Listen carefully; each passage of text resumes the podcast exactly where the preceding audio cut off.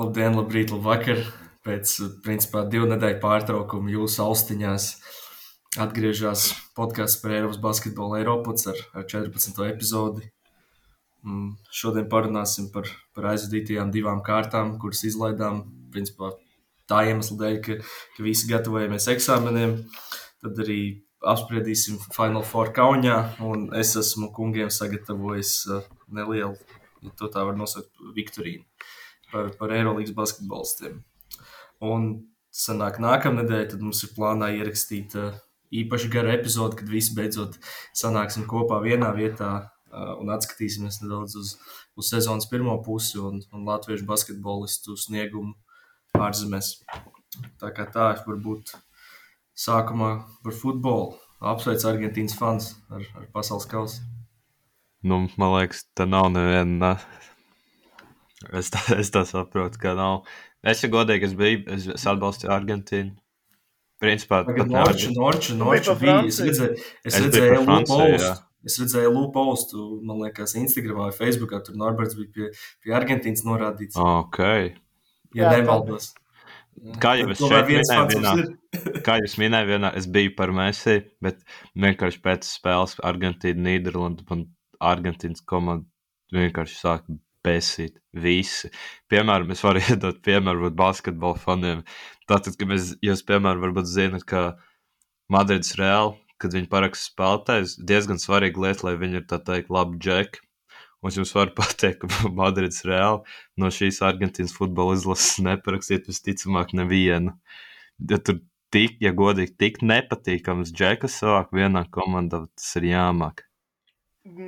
Mm, Es lielā mērā piekrītu, bet es domāju, ka ir viens džeks uh, saspēles vadītāja pozīcijā, ko Madrids reāli gribētu parakstīt. Tas ir uh, iespējams visu laiku labākais futbolists Lionels Messi, par ko man ir liels prieks, ka viņš uh, izcīnīja pasaules kausu. Es, es kā Ronaldo fans varu atzīt, ka pēc uh, šitā pasaules kausa man ir diezgan maz argumentu palikuši. Bet uh, paturpinot par šiem Argentīnas stāvgājiem, es teiktu, ka, Rodrigo de Pols uh, ir tas pats, kas Messi apmēram tas pats, kas Pepe bija Ronaldu, apmēram kaut kas tam līdzīgs. Ka viņš arī principā vienmēr viņu visur aizstāvēs. Bet, uh, salīdz, izveidojot tādu basketbalu salīdzinājumu, tad jautājums Valtam, vai tu vēlētos ar viņu? Ar Leandro Paredes un, un Rodrigo de Pauli, šiem diviem galvenajiem sliktajiem zēniem, izpildīt to pašu, ko brāļi Macijus izpildīja ar Rudiju Fernandes pirms astoņiem vai cik gadiem. Jā, ja mēs tā pa joku runājam, tad noteikti, noteikti, bet, bet no tā ķīpa, tā, tā reāli skatoties uz lietām, izdarīt kaut ko tādu, ko brāļi Macijus kaujā paveic, adekvāti cilvēki kaut ko tādu nevar izdarīt. Bet es, es, es, es Saprotu, ka jūs, kungi, arī dodaties uz kauņu. Mēs, jā. jā. Varat par to vairāk pastāstīt.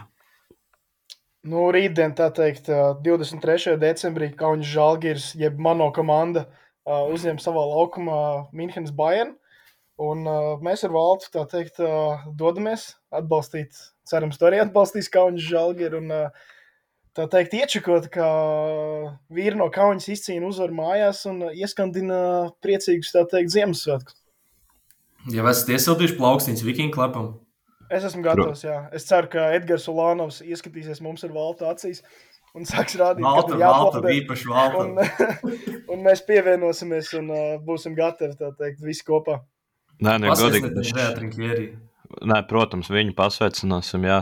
Bet žēl, ka Lučičs nebūs, jo tad, ja kāda no viesu komandas spēlētājiem, iespējams, brāļa mācīs, varētu paveikt kaut ko līdzīgu kā par Fernandes, tad tas ir Lučičs. Bet, diemžēl, es pieņemu, ka nu, viņš nespēlēs noteikti, tad es pieņemu, ka viņš arī vispār nebrauks uz kauņu.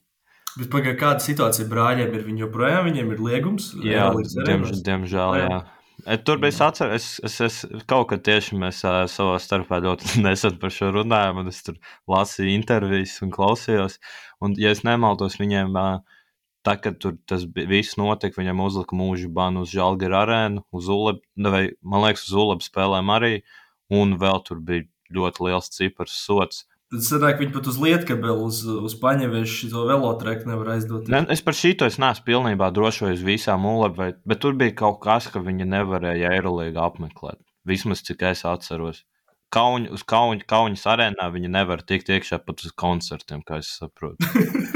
Kaunis varētu, diemžēl, viņam, Jā, līdz izdomās, duvai, duvai lipai uzbrukt. Nu, tur kam? Nu, nē, nē. nē, nē, nē. Jūs, jūs, jūs zināt, kā beidzās tā situācija ar uh, sievieti, kas uzliek šo sezonu um, Rolandam Šmitam virsū pēc vienas no spēlēm, kad tur beigās bija tie sodi vai tam līdzīgi. Man liekas, viņš sašņurēja vienkārši. Es domāju, ka nekas gan jau trakāks nebija. Es, es saprotu, ka tā bija dāma no Latvijas, kas bija. Nu, ieņēmusi bišķi pa daudz. Jā, ieņēmusi bišķi pa daudz. Man liekas, viņa jau neko tādā ziņā sliktu negribēja. Viņa nesit viņam pa pūru. Jo es, piemēram, es, es, es, es gribu īstenībā vēl par brāļiem Macijasiem parunāt šajā sakarā. Jo es atceros, kad es uh, klausījos, viņam bija intervija abiem diviem brāļiem leģendārajā raidījumā Overtime TV. Un tur tur, cik es sapratu, bija tā, ka Rudijs Fernandes viņiem kaut ko pateica spāniski.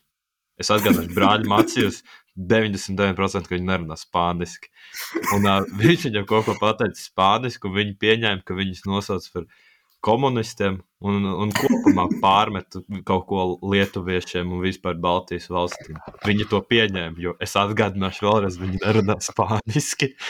Un Bet tad vēl man liekas, šajā stāstā ļoti amizants bija tas fakts, ka ka viņiem veica alkohola pārbaudas, un viņiem tika konstatēts virs divām promilēm.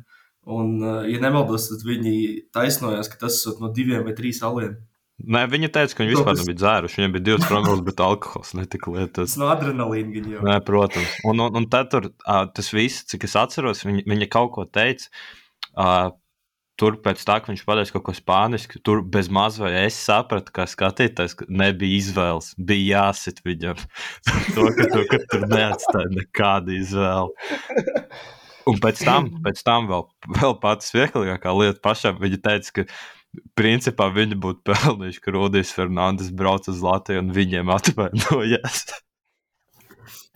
Bet, bet citu par Rudiju Fernandes, viņš, eh, cik es lasīju, šajā kārtā piedzīvos eh, sezonas debiju. Jā, viņš oh. atgriežas. Viņš, viņš jau, man liekas, cik es atceros, viņš jau pagājušajā nedēļā kaut ko trenējās, bet tagad, jā, tagad beidzot izstāsta. Nu, tur vienkārši viņam pēc Eiropas čempionāta, laikam, to roku izoperēja, vai kas viņam tur bija? Nē, nē, viņš vēl, tas nebija pēc ērta, viņš pēc tam superkausā, man liekas, pusfinālā vēl viņš nokrita ah, un satraumē.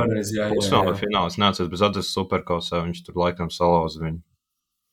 Un tad uh, tur sākotnēji bija laikam, ka viņš mēnesis būs ārā, bet beigās tie ir izvērtušies par, par trīs mēnešiem. Bet uh, noslēdzot par brāļiem Macijusiem, tad man jautājums, tad, kā, kā tas tiek izkontrolēts, ka viņi netiek iekšā kaujas arēnā? Nu, mēs, mēs visi tur esam bijuši vismaz uz kādu spēli, un kad tās masas visas iet iekšā, nu, es nezinu, uzliec kapuci, vēl kaut ko, saules brilles. Nu, Nē, liekas, ka tas ir. Es domāju, viņi, viņi tur jau no Ja es, es, es nemaldos, es kaut, kad, es kaut kad par šo tieši meklēju. Ir kopumā, man liekas, visā Eiropā pieci cilvēki, kas nevar apmeklēt aerolīgas spēles. No kuriem Tie divi bija serbi. Tur bija divi, divi bija brāļi Macijas, tad, ja nemaldos, viens grieķis un divi turki. Tas bija tā kā pieci cilvēki pa visu Eiropu. Un man liekas, tas brāļus Macijas, viņš jau tā kā iespējams plus mīnus zinātu pēc sejas. Un vienkārši apsargi zināt, ka viņus varbūt nelaist. Bet es domāju, ne visi apsargi. Es ļoti šaubos, ka vienkārši pirms, teiksim, gan jau kā apsardze ir kaut kāds brīfings pirms katras spēles. Es nedomāju, ka tur katrā reizē tiek skarts šis tā saucamais brāļa mācības jautājums. Nē, nu, tas īstenībā tas, tas ir labs jautājums, bet nu, es, es, tie, es tiešām, ja godīgi, es nezinu, kā šis viss strādā. Bet uh, atgriežoties kaut ko, man liekas, pieminējis par, par Fenerbahču, es tagad uh, nedaudz izkrītu no galvas uzreiz, bet uh, es uz nākamo epizodu sagatavošu, tad, ja tā var teikt, pētījumu par, par Eirolandes biļešu cenām, un es jau, jau dažas vietas papētīju, un kas interesanti, es iegāju Fenerbahčas mājaslapā, un tur tā uzreiz nekur ārā nelec, ka es te varu kaut kur nopirkt biļetes, bet es tur paklīpu to mājaslapu un es uzgāju viņu fanu veikalu. Un, uh, Tas, manuprāt, izskaidro to, kāpēc arī pasaules kausā futbolā mēs varējām redzēt cilvēku Fenerbahču kreklos. Jo viņu spēļu krekls maksā 30 eiro. Es pieļauju, ka tas ir pats pats lētākais uh, spēļu krekls no tādiem Eiropas lielajiem. 30 eiro. Ja? Jā, 30 eiro gan, gan futbolā, gan basketbolā. Nu, tur bija viens, laikam, skaitījās futbolā kā replika, otrs bija kā autentiskais džersijs, un tas autentiskais bija dārgāks. Bet, uh, Bet parastais bija pa, pa 600 turku lirām, kas ir plus mīnus 30 eiro. Ak, tas īstenībā krāklā, tas pats bija. Tas, tas, ir, tas, jā, tas ir tiešām nereāls cipars. Jo es, es, es esmu meklējis Madrids reāli. Es varu pateikt, ka Madrids reāli basketbola komandas krāklis maksā bez nekādiem uzvārdiem, bez nekā plus mīnus ap 100 eiro. Varbūt nu, bija mazāk, bet ap tiem 100, 100 tur aptuveni staigāts cipars. Man liekas, tas pats ir tagad arī ar visiem jaunajiem Latvijas izlases krēkliem, ar, ar to pašu žāģīru krēklu. Virtus arī bija dārga krēkla. Kā, nu, es pieņemu, ka EFS varbūt arī līdzīgi ir. Jā, es arī gribu pateikt, pirms teikt, šī brauciena uz Kaunu mēs jau arī skatījāmies ar Valtu un citiem džekiem cenas kaut kādiem kauņas teikrakliņiem vai džersijiem vai tam līdzīgi, lai mēs iederētos tajā pulkā. Un, piemēram, žēlgīrs teikrakliņš maksā 20, 21 eiro. Spēles krēklis maksā ap 80, un tas cenas ir diezgan liels, bet uh, kauņas žēlgīrs apakšbiks var iegādāties par 6 eiro, ja kādam interesē. Jā, bet tur taču tas, tas ir labs deals. Tur taču arī pārāk. Man, ir jautājums, man ir jautājums, ja es ieradīšos Žalgis arēnā Lietuvas rītas džersijā, man sasitīs vai nē? Tev neielaidīs, man liekas, vienkārši. Es esmu, nu, tā kā, ja, ja, tu, ja tev viņš ir atklāts, es, es domāju, ka tev viņu vienkārši likt novilkt. Es, es, es esmu tā pieņem, ka tev nelaist iekšā šis tāds tur, tur, vairs, tur vairs nav tik naidīgi, man liekas, kā bija agrāk. Nu jā, bet nu tā pārdot, nu, tas, tas nav viss. Nu, Tikko nu, uzvar čempionu un aiziet uz žālgi. Nu, nē, nu, možda, bet tad. Nu, nē, nē, protams, nebūtu. Nu, e, es domāju, vai nu tev neielaist, vai nu tev iedot bietā tribīnas. 50-50. Tā kā nebūtu tā, ka tu aiziet Lietuvas rītas krāklas spēli, nosītos spēli un mierīgi aizbraukt mājās. Par to es esmu diezgan drošs. Vēl ir, ir divi ekonomiskie varianti, kā, kā iejusties. Viens ir, tu vari ar zaļonku nokrāsoties, zaļš kā šreks. Tā kā Raigas vīdes dēļ ar zvaigzni. Jā, jā, jā. dēļ ar zvaigzni. Un, un otrs variants ir, taču Lietuva pārtiks preču veikalos tirgo, tā kā agrāk Latvijā bija Dinamo produkcija. Es atceros, ka mēs pagājušajā, vai kad pirms divām vasarām, kad mēs bijām uz, te, uz, uz Olimpisko spēļu kvalifikāciju, tad tur veikalos bija gan žēlgi rālus, viss kaut kāds uzkops. Pelmeņi bija arī. Tas, Tu taču arī tur biji. Nē, es vienkārši es neatceros. Tagad man, man šis vispār ir no atmiņas. Bija, bija, bija šādas lietas tur. Tā kā varbūt arī kaut ko tādu var iegādāties. Bet uh, nedaudz atgriežoties pie futbola un, un paturpinot Argentīnas tēmu, uh, viens uh, liels argentīnietis, varbūt vārda ziņā, ne fizisko parametru ziņā, ir atgriezies Eirolandā. Tas jā, ir. Nu, jā, viņš vārda ziņā, parametri tur nav tie lielākie. Bet, tā... bet sirds liela. Sirds, sirds ļoti liela, jā. Bet, nu, pirm, man par šo īstenībā dažas lietas, ko es gribētu pateikt. Pirmkārt, es esmu diezgan pārsteigts, ka Reāls nemačoja to oferu, jo, cik es sapratu, viņam bija iespēja. Varbūt viņi to nedarīja, tāpēc, ka es pieņemu, ka vienīgais iemesls, kāpēc viņiem to nedarīt, ir tad, ja viņi sarunāja, ka kam pats savā vasarā nāks pie viņiem. Jo tur bija visa tā nodokļu lieta, par ko mēs pirms tam kaut ko stāstījām ka, ja viņš aiziet nākamajā vasarā un nospēlēs sezonas beigām kaut kur citur, tad viņam ir mazāk, mazāk nodokļu jāmaksā Spānijā. Un otrais, es nesaprotu, nu, es vēl joprojām nezinu, no kurienes Cirvenas zvezda ir tādu naudu izvilkuši ārā. Viņi visu laiku strādā pie tā, teorija pateica. Nu, tas vienīgais, jā, ka varbūt kaut kāda krieva dod naudu vai kas, jo es, es nezinu, jo viņi visu laiku sūdzas, ka partizānam nauda, ka viņiem valsts dod vai kas. Viņi tagad izvilka, principā, cik tur sanāk kopā 4,1 miljonu. Nu, sanāk, sanāk, ja es nemaldos, bija līdz šīs sezonas beigām 1,8. Plus nākamā 2,3, sanāk 4,1, un plus vēl viņi, cik es sapratu, viņam kaut ko ķipa palīdzēja, palīdzēt to parādu sekt pret reāli. Tad mēs varam pieņemt, ka kopējais varētu būt, teiksim, 5 miljoni. Kur viņi izvelk tādu naudu? Tur vēl bija interesanti, ka viņi minēja, ka viņi vēl nav noslēguši komplektāciju. Ah, tu, tu tur arī vari mašu lūku vēl parakstīt vai kaut ko tādu lētāku. Ziniet, kā komanda sāka uzvarēt, tā teikt, jau playoff zonā pamazām parādās, un ambīcijas aug, cilvēki notic un ir gatavi arī investēt, tā teikt, un cerēt uz kaut ko. Un tagad jau ļoti interesanti, jo um, Cirvēnē tieši tie galvenie spēlētāji, abi mazie, manuprāt, ir Nedovičs un Vildoza. Un būtībā, ja viņiem vajag papildinājumu, tad kaut kādā citā pozīcijā, nu, ok, protams, citās pozīcijās tur nav šāda mēroga spēlētāja pieejama, bet uh, tagad būs interesanti, kā viņi sadalīs tās lomas, ka ienāk jauns uh, mazais spēlētājs komandā. Viņiem tagad trietā ir jādala tā metiena loma, atbildība un viss pārējais. Sanāk tas Dienvidslāvā Monako variants. Nu, principā, bet pagaid, pagaidām jau viņiem ir tas diezgan viegli, jo viņi nevar kam pats vēl pieteikt Eirolandes spēlēm. Nemaz. Viņš var tikai tas... Adrijas līgā spēlēt, jo Cervenas zvezda nav kaut kādas papīras sakārtojuši jau kaut kādas mēnesi, man liekas. Esot, viņi paši teica, ka tā esot formalitāte un pastāv. Viņi, bet viņi jau mēnesi to, for, viņi jau mēnesi to formalitāti kārto, tāpēc es nē, nezinu. Nē, protams, bet uh, viņš esot aizbraucis līdzi uz, uz, uz, uz Atēnām komandai, tā kā iespējams viņš, viņš uzspēlēs jau šovakar. Nu, es šaubos, ka viņš spēlē nu, šajā kārtā. Nu, es nezinu, vai tik ātri, bet tā, nu, nu, gan jau viņi kaut kā sakartus, jo citādi maksāt par kondo, pats 1,8 miljonus gadā viņš spēlētu Adrijas līgā. Būšu godīgi, tur ir daudz vērtīgākās lietās naudu tērēt. Nē, bet īstenībā tāpat, tāpat tas ir diezgan svarīgi viņiem, es teiktu, jo viņiem jau Eirolandes ceļzīme izšķirās uh, Adrijas līnijas plēsoņos. Tas arī nav īsti, jo cik es saprotu, Adrijas līnijas čempionu tituls tu arī negarantē to ceļzīmi. Tas ir Jā, vairāk, tas, tas ir tā kā reklāma tev, tā kā tas uzvarēs, tu vari pateikt, tā, kas tur tagad Bodirogas kungam to, ka tu esi uzvarējis, var tev iedot labāk, labāk tev nekā partizānam. Tur, ja mēs iesākām par kaut kādu aerolīgas birokrātiju un par tām, par tām ceļzīmēm, tad uh, es tieši redzēju, ka bija uh, ar vienu no aerolīgas vadītājiem, Maršalu Glikmenu, bija, bija intervija Džordža Lukasa crossover podkāstā. Un, uh, tur bija dažas interesantas lietas, ko viņš teica par, par, par potenciālu līgas ekspansiju. Tad, uh, viņš pats teica, ka ir 8 līdz 10 uh, pieprasījumu par, par Eirolandes licencēm, no, nu, respektīvi no 8 līdz 10 dažādiem tirgiem, ir interese par vietu Eirolandā.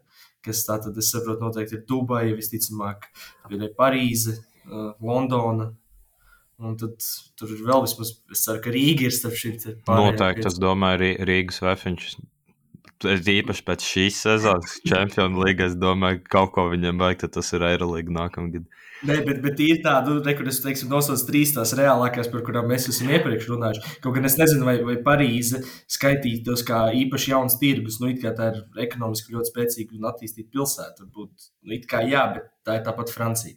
Tāpēc es nezinu, vai, vai viņš šo te skaitīja iekšā starp šīm astoņām, desmit uh, komandām.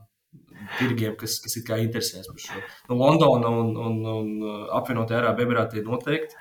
Kāds jums vēl varētu būt idejas, kaut kāda Rijāda? Es, es, es īstenībā varētu pateikt par Dubaju, jo cik es saprotu, turā, turā es klausījos mūsu kolēģi lietuviešu, kur runāja par šo, un turā e, Eiropas jā, basketbola žurnāls, tad Nats Urbans teica, ka tas ar to Dubaju tas nav īsti tā, ka viņi, es nezinu, samaksā 30 miljonus un tad spēlē Eirolīgā vai kādu ciparu. Tur bija aptuveni tā, ka viņi iedod biznesa plānu. Viņi tā kā nekādu naudu īsti nav gatavi dot tā kā uzreiz tas nav, tas nav īsti tā, kā sākumā likās, ka uh, šie arābi gatavi vienkārši, ja likt pīķi maisā, dot, dot uh, Eirolandes vadībai un tad spēlēt Eirolandā. Tur kaut kā nedaudz citādāk tas viss bija. Jā, nebija, tā, nebija tā viena no viņu lielajām avio kompānijām gatava kaut ko dot arī. Nē, nu, tur cik es saprotu, tas nav tik, tas nav tik vienkārši, cik es saprotu. Kā, bet uh, Es šaubos, ja godīgi, ka, ka Rijāda tieši būtu tā vēl, vēl viens tirgus, kas gribētu. Es nekad vispār neesmu dzirdējis, ka Saudārābija basketbolu spēlētu.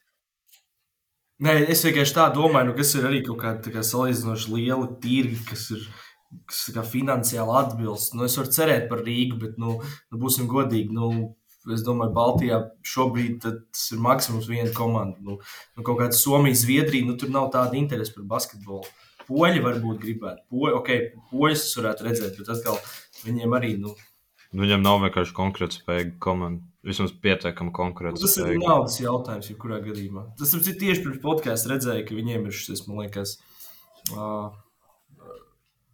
Degvielas uzpildes stācija Orlēna, vai, ne, vai tas ir veikals?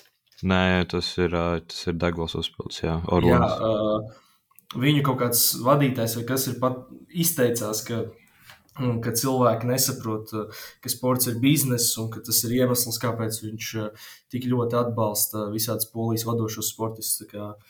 Tur vismaz ir pieļauj pāris cilvēki, kas būtu gatavi atbalstīt arī basketbolu ar lieliem finansiāliem līdzekļiem. Es domāju, ja vēl gribētu kādu komandu, varbūt gan jau Stambulā varētu vēl atrast, bet no tā, kas būs īsti jauns tirgus. Stambulā jau divas komandas ir Un, un man īstenībā pat nenāk prātā, es astoņas godīgi pat nevaru nosaukt. Es, es nezinu, nu, varbūt Itālijā vēl kāds. Ant, C9 īstenībā ļoti reāli. Tie varētu būt, vai varbūt, es nezinu, Horvāti kaut kāda, bet arī man liekas, tur nav finansiālais pamats nekāds īsti. Man liekas, tikai no tām Balkāniem vēl C9 ir vienīgais variants. Ok, viņam Eiropas šī ir vāja sezona, jo viņam tur pusi komanda ar traumām izkritus un tam līdzīgi. Bet tagad tur vēl vismaz basketbola tradīcijas ir un, un arēna laba un viss forši. Tas man tā kā vienīgais no tā reģiona nāk prātā. Ah, nu tie, tie lejuši vilki, viņas. Bet tas arī, nu, es nezinu, cik ļoti tas skaitās jauns tirgus. Nu, viņi nu. ir, viņiem ir, ir tās ambīcijas. Viņi jau pašā sākumā teica, ka viņi, viņi principā tēmē uz šo. Tas, ka viņiem šogad nesanāca pārvarēt FIBA Eiropas kausa kvalifikāciju, ir varbūt cits stāsts, bet ambīcijas tur ir. Pat tas bija Eiropas kausa, man liekas, tas bija Champions League. Man, man liekas, ka Eiropas kausa īstenībā. Saka, viņi netika Eiropas kausā, tur, kur spēlēja Werner Kocha vienība no Nīderlandes un izgāja kvalifikācijā, ja nemaldos. Tad Jā, tur spēlē arī, arī, arī Kipras, eh, Keravnas un, un vēl cits ļoti jaudīgs komandas. Tā, tā, tā, tā. tā. Paspriežat bišķīt, es tulītās. Mēs gan jau varētu parunāt bišķiņi par, par Kauņu Final Four kas tika. es atradu. Ah, okay. Viņi kvalifikācijas pusfinālā pa 15 punktiem zaudēja Bulgāru Rīļski sportistu. Ah, nu šitā jau tika pamatturnīrā. Tur bija tas, tur bija tas Demažio Vigins, kurš pagājušajā gadā, kur viņš bija uh, Raplā, ne? Man liekas, Vigins nebija Vīmsos. Uh, Raplā, Raplā bija viņa. Okay. Raplā, jā, tas 19 plus 16. spēlē savāds. Un arī, protams, Čavdars Kostovs, leģendārais bulgāru basketbols ar 15 punktiem nogremdēja viņas vilkus. Tā kā jā. Bet nu, tad gan jau varam Final Four pieskarties Kaunijā, ne? Jā. Man tā liekas. Tā tad jā, beidzot šo izziņoju oficiāli. Kam, tā, ko tas maina Kaunis Žalgar komandai? Es varētu teikt, ka neko. Būs jāspēlē savās mājās, nevis izbraukumā Final Four. Tas ir uzreiz pozitīvi. 19. No. līdz 21. maijs atzīmējam. Un, uh, tiem, kam interesē, tad uh, biļešu cenas, cik es saprotu, visam pasākumam, visām četrām Final Four spēlēm ir apmēram robežās no 200, 250 eiro līdz pat kaut kādiem vairākiem tūkstošiem, ja gribas sēdēt uh, kortsaidā. Ļoti nopietni apsveram šo iespēju, domājam. Un, uh, nu jā, būs labs pasākums. Es domāju, Lietuvā arī tie skatītāji, viņi jau, teikt, ir traki un forši, un nu, atmosfēra būs, tā teikt, tas ir labi arī Eiropas basketbolam, ka Kaunijā notiek uh, šis Final Four, un, un tiešām, es domāju, ka būs labs pasākums. Un vēl viena lieta, kas būtu interesanti, interesanti. Ja šajā Final Four spēlēs Barcelona, Un, piemēram, Šāras varētu uzvarēt teikt, Lietuvā savā mājās. Teikt, es domāju, ka lietuvieši atbalstīs Šāras jau un Barcelonu, ja Barcelona tur tiks. Un, nu, tas būtu tāds, nezinu, labs stāsts un labs virsraksts avīzēm, ja, ja Šāram, piemēram, tas izdotos. Tu aizmirsti, ka Barcelona Final Four aizmirst, kā jāspēlē basketbols. Tā kā ja viņš ja jau aizmirst ātrāk, parasti viņi jau ceturtajā finālā aizmirst, bet tad viņi piektajā spēlē, piektajā spēlē viņi atcerās atkal, un tad Final Four atkal piemirst tas nedaudz. Bet es domāju, tas Barcelonai būtu plus mīnus tā kā mājas turnīrs. Tā kā viņiem, es domāju, ka Kaunijā viņus atbalstītu vairāk nekā tad iespējams, ja viņi Barcelonā spēlētu mājās. Jo Ļoti tur... iespējams. Lietuviešiem arī... jau nav tā, ka viņiem ārpus žalgari ir īpaši daudz citu lietuviešu, kas kaut kur darbotos Eirolandā. Plus vēl Jokubaits arī tomēr Barcelonā ir. Jā. Viņu pašu sistēmas produkts, man liekas. Viņš bija. Nu, varbūt ne līdz galam. Jā, nu, piemēram, tad, kad spēles ir piemēram, tas pats Game 5 bija pret Bayern pagājušajā gadā Barcelonā, tur jau problēma tāda, ka tribīns ir pustukšs, un, man liekas, tieši tajā pašā laikā Champions League spēlē kaut kāda Barcelona. Barcelona nespēlē Champions League pagājušajā gadā. Okay, sorry, sorry, sorry. Tur bēdīgi laiki pienākuši, bet, nu, būtībā ir futbols un visi spāņi ir futbolā tajā vakarā. Un, Es atceros, ka sākumā bija ļoti pārsteigts, nu, kā uz piekto spēli, uz pēdējo spēli mājās, ko tur redzēju šo sezonu, Eirolandā, varbūt pustukšs tribīns, bet nu, Barcelonā tā bija tāda norma. Bet uh, tur jau pagājušajā gadā varēja redzēt, cik daudz, ne tikai pagājušajā gadā, ne laikam pagājušajā gadā, jo iepriekš bija grūtāk aizbraukt. cik daudz lietuviešu brauc tīri uz Barcelonu atbalstīt Šāras un, un arī pārējos treneru asistents, kas tur, kas tur vēl bija to brīdi. Tagad jau laikam vairs nav, ne? Nē, tikai atlaid. Pārējie ir visi palikuši.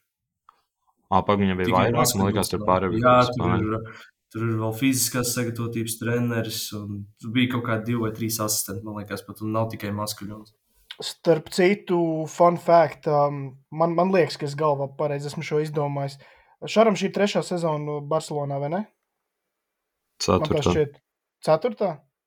Jā, nu, viņš, jau bija, viņš jau bija Covid gadā. Tas, man liekas, viņam bija, vai tas, man liekas, bija viņam pirmais gads. Tas, kurā vispār atcēla. Ah, jā, ok, labi. Tad viņš, tad viņš vienreiz tajā Covid gadā ir vinnējis Kaunijā, bet tā, tā teikt, ne šo sezonu, ne pagājušajā sezonā viņš nav vinnējis Kaunijā. Tā kā viņš tur kāds divus gadus ir bez uzvarām Kaunijā. Un, ja, ja viņam izdosies Kaunijā kaut ko vinnēt, tad viņa vienīgā un pēdējā iespēja mājā. Bet tad viņam tagad būtu vismaz citādi, ka viņam nav jāspēlē. Nu, būsim godīgi. Viņam būs jāspēlē. Viņam nebūs. Žalgir tāpat. Nu, Nu, vienkārši apzīmēs reāls Lietuvā, un nebūs pret Žalgiri jāspēlē. Tā kā šoreiz viņš būs mājnieks. Atkal. Šajā sakarā diezgan amizanti ir tas, ka, ka savai dalībai Final Four netic arī pati Žalgiris vadība. Jo bija tieši, ar, bija tieši prasīja Pauļam Motīvunam, kurš ir komandas ģenerālmenedžers, direktors un kas tik vēl tur ne. Viņš ir arī Žalgiriju arēnas vadītājs. Viņam prasīja par šīm biļešu cenām vispār, jo viņš teica, ka tās nav domātas lietuviešu līdzjutēji Tāpēc ir tādas cenas. Nu, respektīvi, viņi diezgan objektīvi raugās uz to, ka, ka Žalgiris netiks plēfos. Tas tā kā Latvijā hokeja čempions. Tas arī nav priekš latviešiem. Protams, nav. vienkārši. Ja tu esi samaksāts 40 eiro, lai paskatītos Latviju, Kazahstānu. Bet īstenībā par tām Eirolandes cenām runājot, man liekas, ja kaut kāda 250 eiro uz četrām spēlēm, tā kā Bet, ja nu, rēķini, gribi... tas ir sliktākās sēdvietas. Tu esi aizgroz kaut kur. nu, bet, bet, neko, bet, nē, nu, bet tas ir, tas ir, tas ir objektīvi, principā, labākais basketbols, ko tu Eiropā var redzēt. Jā. Tā kā Final Four, tur tas ir tiešām labākais, ko tu vari redzēt. Tas cenas nav tik neadekvāts. Manuprāt, tas, kas tev jāmaksā, ir 140 eiro Latvijā, Kazahstānā, tas ir daudz sliktāk. Piekrīt, jā. Nu, tur jau paralēli norisinās turnīrs Somijā, kur ir lētāks biļets. Somijā. Jā, tas, ir, tas, tas, tas, tas ir arī forši. Tiešām, ka Latvijas iedzīvotājiem acīm redzot, tad ir lielāka pirktspēja nekā Somijā. Bet es jums ieteiktu uztaisīt kaut kādu Eirolandes mēdīju kontu un varbūt pamēģināt pieteikties akreditācijai, ja jūs plānojat doties uz Final Four. Nu, jo, ja, es, ja, es, ja es dotos, es... argumentus es varu izvirzīt, lai man iedod uh, akreditāciju. Tu esi Latvijā vienīgā podkāsts, kas ir principā, tikai un vienīgi runā par Eiropas basketbolu, viens no vadītājiem. À, nu jā, es popul popularizēju viņus, tā teikt, Eirolandā nu, un palīdzu viņiem augt. Noteikti. Tu vari izmantot, var izmantot vārdu, ka mēs esam lielākais šāda podkāsts Latvijā. Būtībā Eirolandā simts jaunu līdzjūtēju no Latvijas jau vismaz ir tikai mūsu podkāstu dēļ. Kā minimums, tas kā minimums. Bet kaut kādu schēmu iespējams var izdomāt. No nu, kaut ko vismaz notestēt, notestēt ūdeņus. Izmēģināsim. Varbūt pirms mēs eh, ķeramies klāt kaut kādām spēlēm, vēlties, lai es jūs pārbaudītu jūsu zināšanas. Nu, izskolo mums. Varam pamēģināt.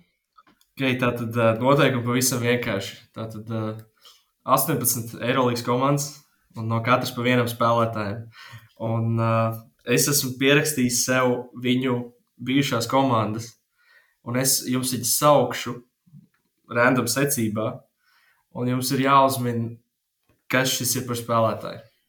Ja jūs gribat, ja, ja jūs gribat, es, nu, be, nu es, varu, es varu nosaukt arī komandu, kurā viņš šobrīd spēlē. Es domāju, ka tas palīdzētu.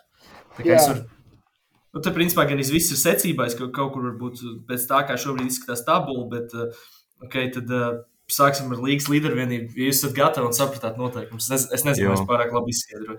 Nu, nē, tad, uh, tu vienkārši vienam rādām spēlēm sauc bijušās komandas, jā. Jā, tā kā ir, man liekas, arī, gan jau tiktu, kā es redzējuši, kur uh, futbola spēlētājs šādu minu. Un... Jā, ok. Okay, tātad, bet uh, es, es viņu saukšu ne pēc kārtas. Labi. Jā, ok. Nu, okay. jo, ja pēc secībā, tad iespējams kādam tas būs, būs, būs, būs ļoti vienkārši. Tātad tagad Fenerbahčs. Tātad mums ir. Ah, es varu nosaukt īstenībā, teikt, pa vienai komandai, un jūs jau varat sākt minēt. Okay. Vai es gribu visus uzreiz dzirdēt? Tā kā Nu, nu, Fenerbahčs es- esošais spēlētājs tagad būs. Jā, kāds, viņš ir spēlējis Asvelā iepriekš. Varat prasīt vēl. Ja... Kostas Antetokounmpo.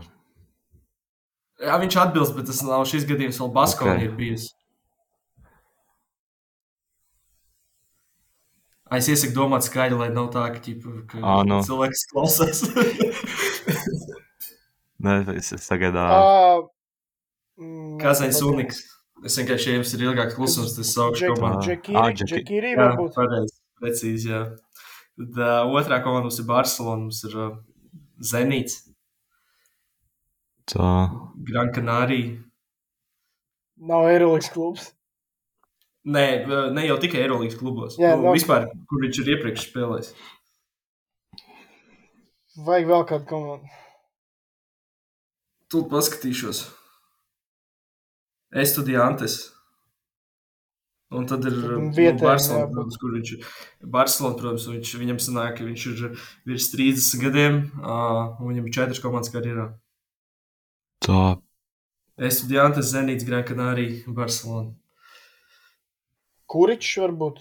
Precīzi. 2-2 Norčs Labi. Šitā es vismaz nezināju, godīgi. Es vispār kuriču neatceros pirms Barcelonas vispār nekur citur.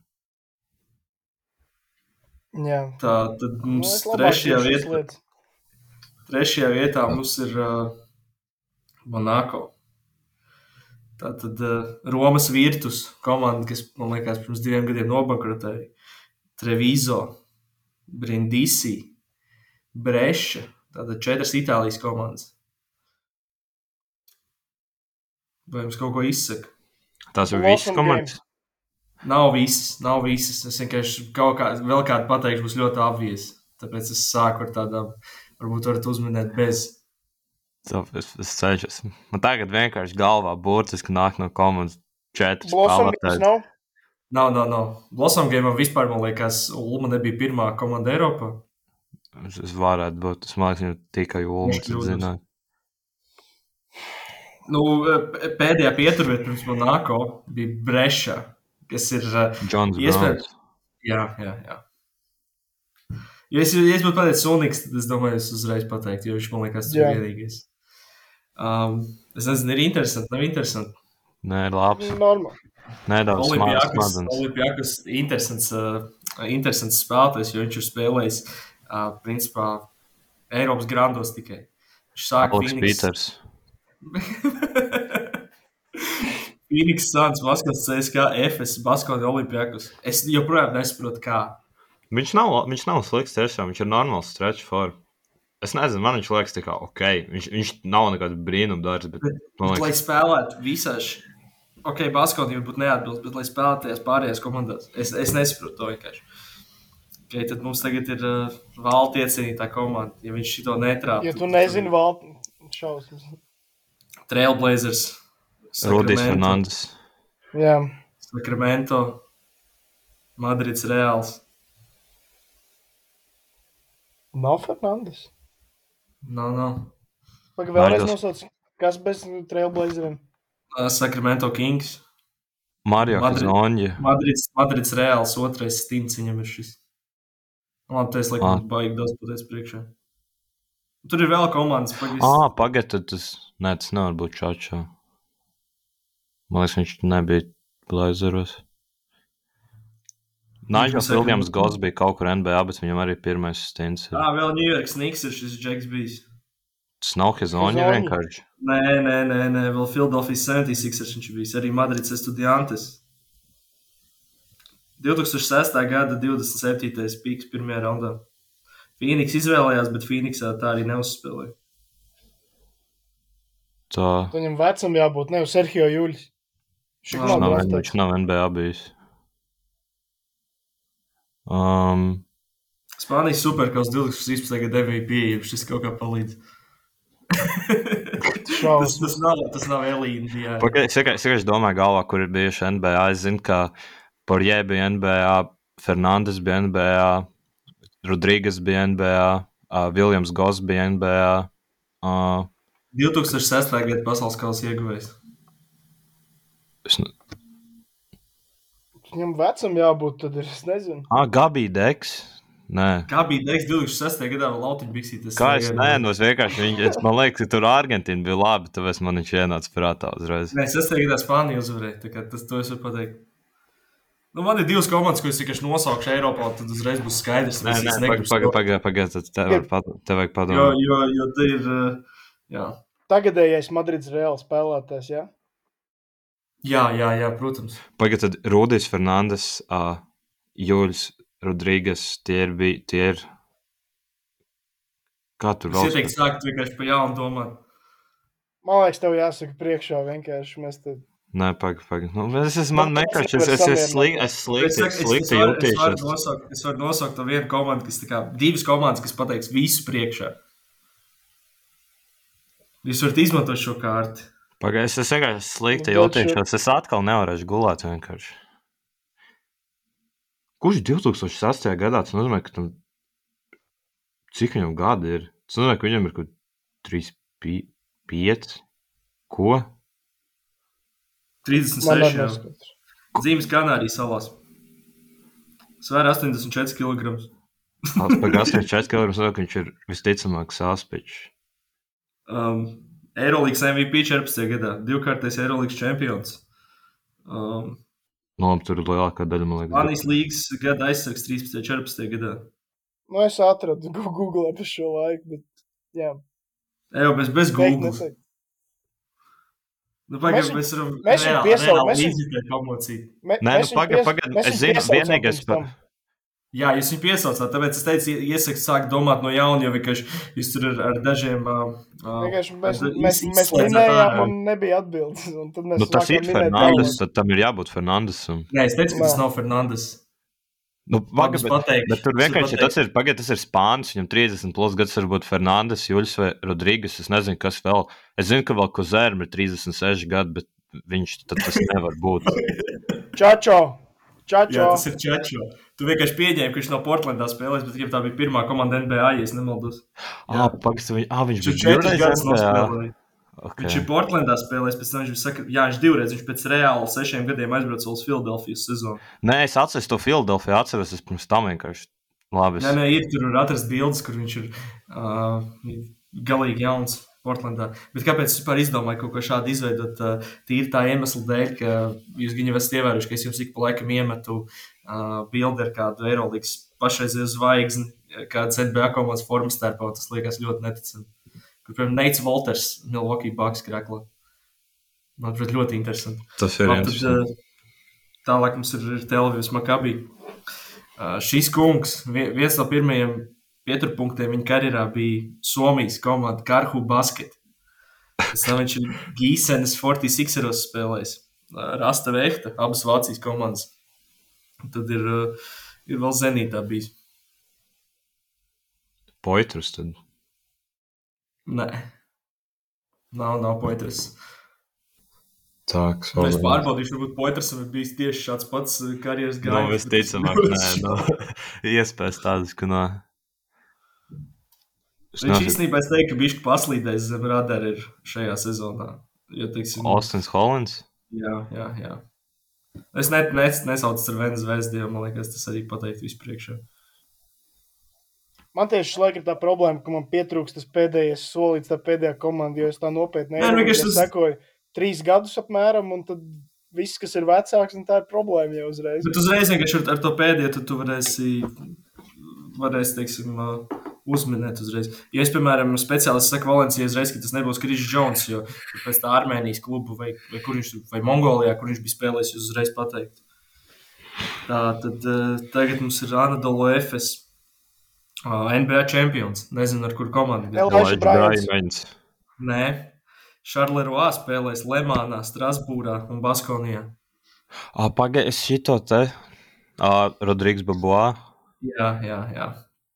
Labi, šis diezgan īsi. Mēs ar citu pirms sezonas tieši runājām, vai ir kāds spēlētājs, kas ir uh, Eirolandā un NBA uzvarējis pēc kārtas, tā kā divus gadus, jo Bielicam i- ir šī iespēja šogad vinnēt. Un uh, Elijah Bryants ir tāds, sanāk, 21. gadā vinnēja ar Baks, un 22. gadā ar FS.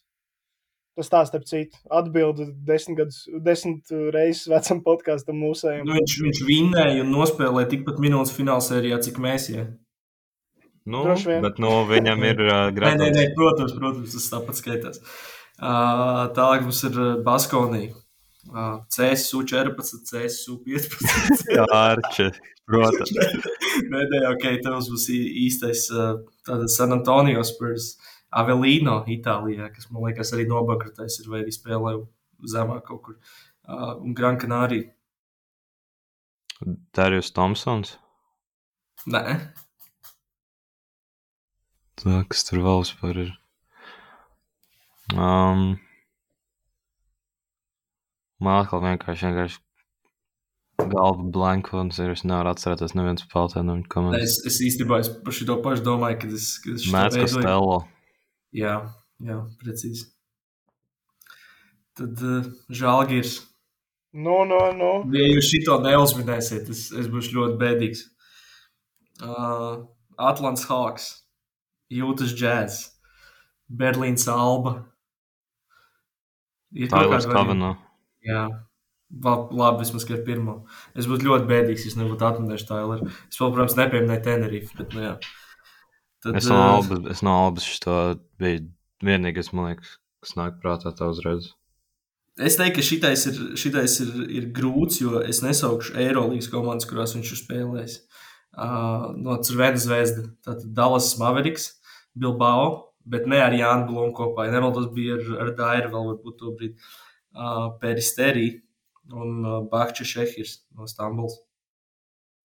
No zvezdas? Un, Jā, Atēna Pantnaikas ar spēlēs. Labi, nosauc vienu, vienu šo komandu. Nedovičs. Nē. Nedovičs. Nav, ne? nav, nav. Nedovičs Golden State'ā bija NBA, man liekas. Jā. Džons, Džons Hollands. Arī nē. Ne jau kam pats. Nē, kam pats. Viņš nav, nav bijis šities. Um, Mārtiņš? Nē. Ben Mentils. Jā, viņam nenosauc tikai Milāns Olimpiju. Tā, tagad mums ir uh, Valencija. Pezāro, Itālijā, Saragos un Valencija. Um. Norča negooglē. Es negooglēju. es nezinu šo tādu. Par dzēšķis arī domājamies. Nu, te, te uz leju, man liekas, uh, uz, tā, uz lejas galva, man liekas, varētu būt bišķi interesantāk. Cik no kilogramu? Kādu frizūru viņam? uh, tad diezgan tumšs māte.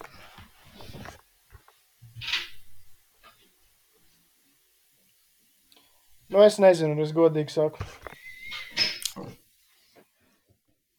Pagaidām, pirmā sezona Eirolandā viņš jau bija bijis Eirolandā. Ui, viņš Eirolandā ir cik gads bijis? Viņš ir tas džeks, kurš, eh, kurš kopā ar Valenciju krīt un kāpj augšā. Dubļevičs. Negluži. Ah, Van Rosums. Jā, un uh, pirmā komanda bija Ostenda, kurus vienkārši speciāli nesaucu. Man labi ir Ostenda, tad varētu arī pateikt, jā. Tagad ir, uh, ir mana, mana komanda, Boloņas Virtus. Tā, pagaid, ko es te pats esmu? Ah, Bonas Telekom baskets, uh, Baireitas Medī, Nanterre, Strasbūra, Bešiktaš un Tofas. Vai Tofaš, turku. Viņam pirmā sezona Eirolandā, jā?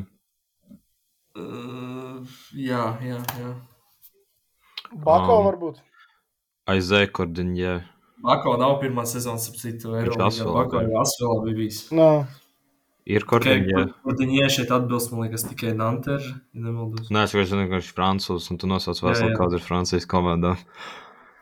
Divas, ja būsim precīzi. Nu, labi, tur bija divas, tad vēl divas vācis un... Un divas turku. Ak, Dievs. Džordžs di... mums. Jā. Kails Vīms. Precīzi. Uh, Asvels, Vilerbāna. Arī starp šim kungam otrais stints Asvelā. Viņš ir kantu spēlējis Itālijā, arī, ja nemaldos, nobankrotējuši. Tad ir Kremons Vanolī, kur pagājušajā sezonā pārstāvēja Werners Kochs kādu brīdi. Arī Nanterē bijis uh, Trento un uh, Sardīnijas sasaros. Jeb sasari. Nu, no ASV. Es pieļauju, ka tā varētu būt uh, visgrūtākā komanda, jo viņiem ir uh, ļoti daudz tādu neizteiksmīgu spēlētāju. Tas bija viss komandas, jā, kas viņš spēlēs pirms tam. Es pārbaudīšu, varbūt viņš vēl kaut kur bijis, bet es pierakstīju, principā, tādas. Nu, tā kā zināmās visas. Ja viņš tur sāka no kaut kādas Francijas otrās līnijas. Nu, jā, no kā tas neskaitos, jā. Tu pārbaudīšu vēlreiz. Nu, pagaidi, tad. Nu, viņš ir Ohio universitātes absolvents. ok, tas neko nemaina daudz. Cleveland atzīmes. Jā, tas viss komandas pieckārtais Francijas čempions. Viņš bija Big Ten konferences uh, otrajā pieciniekā 2011. gadā. Tas nozīmē, ka... Un uh, vēl Big Ten All Defensive Team tajā pašā gadā. Čārls Kahudi. 2007. gadā Novisadā ar Amerikas U-19 izlasi izcīnīja sudraba medaļas. Okay. Pa katru tad amerikāņu jādomā. Tas nevar būt Džona Matjos, viņš bija Polijā. Tad uh, Džeksons Kārters bija no Vācijas. Kas vēl par viņiem pa amerikāņiem? Starp citu, arī interesanta informācija. Viņš šo medaļu izcīnīja kopā ar tādām NBA leģendām kā Johnny Flynn, un, uh, Reimar Morgan, Dion Thompson, Michael Beasley, uh, Deandre Jordan, uh, Patrick Beverly un, un, protams, arī tāds, teiktu, nepārāk labi basketbols Stefan Curry. Nu, tas ir tāds kaut kāds mazs. Džonijs, Džonijs Flints noteikti labāks. Noteikti. Man ir godīgi, man vairs nenāk prātā amerikāņu asfalā. Šajā turnīrā zeltu izcīnīja Serbi, kuru rindās spēlēja Milans Mačvans, Miroslavs Raduļica, Bobans Marjanovičs, Stefans Markovičs, Marko Kešeļs un, jā, laikam tie tādi zināmākie. Pēc šīm kungam ir ap 30 gadiem, jā? Nu, plus mīnus. Nu, jā, un, un bronza bija uh, Francijai, kur bija Nikolā Batums. Arī viņš pašreizējais komandas biedrs Antoine Dio. Tad bija tas ir Amats un Bai. Nē, tas nav Amats un Bai, cits un Bai. Uh, Edvins Džeksons, Aleksis Ažinsā, Kims Tilī, Edrians Moirmans un, ja nemaldos, Džesijs Begarāns. Varētu būt Juhanam Begarānam tēvs. Es tā pieļauju. Kaut gan nē, nē, nē, ja 34 gadus nav iespējams. Nu, visādi var būt. Bet tā. Brālis mums, jā. Ja godīgi, es, es šito spēlēju tiešām nezinu. Man, tie, man nenāk prātā īsti daudz amerikāņu no asfalta. Man nāk prātā šiem John Matthews, Jacksons Carterets un kas tur. Tur bija viens kaut kāds randoms, kurš bija no koledžas, bet tas noteikti nav. Tas ir Davids Laitīs. No, okay. Tagad mums ir uh, Atēna Panathinaikos, Antverpes Giants, Bambergas Brose, Orleāna, Francijā. Pagaidām, Bambergas Brose. Uh, Jā. Ar Jānu Strēlnē kopā vai ātrāk? Vai vēlāk? Vēlāk, man liekas. Mums pie bagī, bet es neesmu drošs, to pārbaudīšu.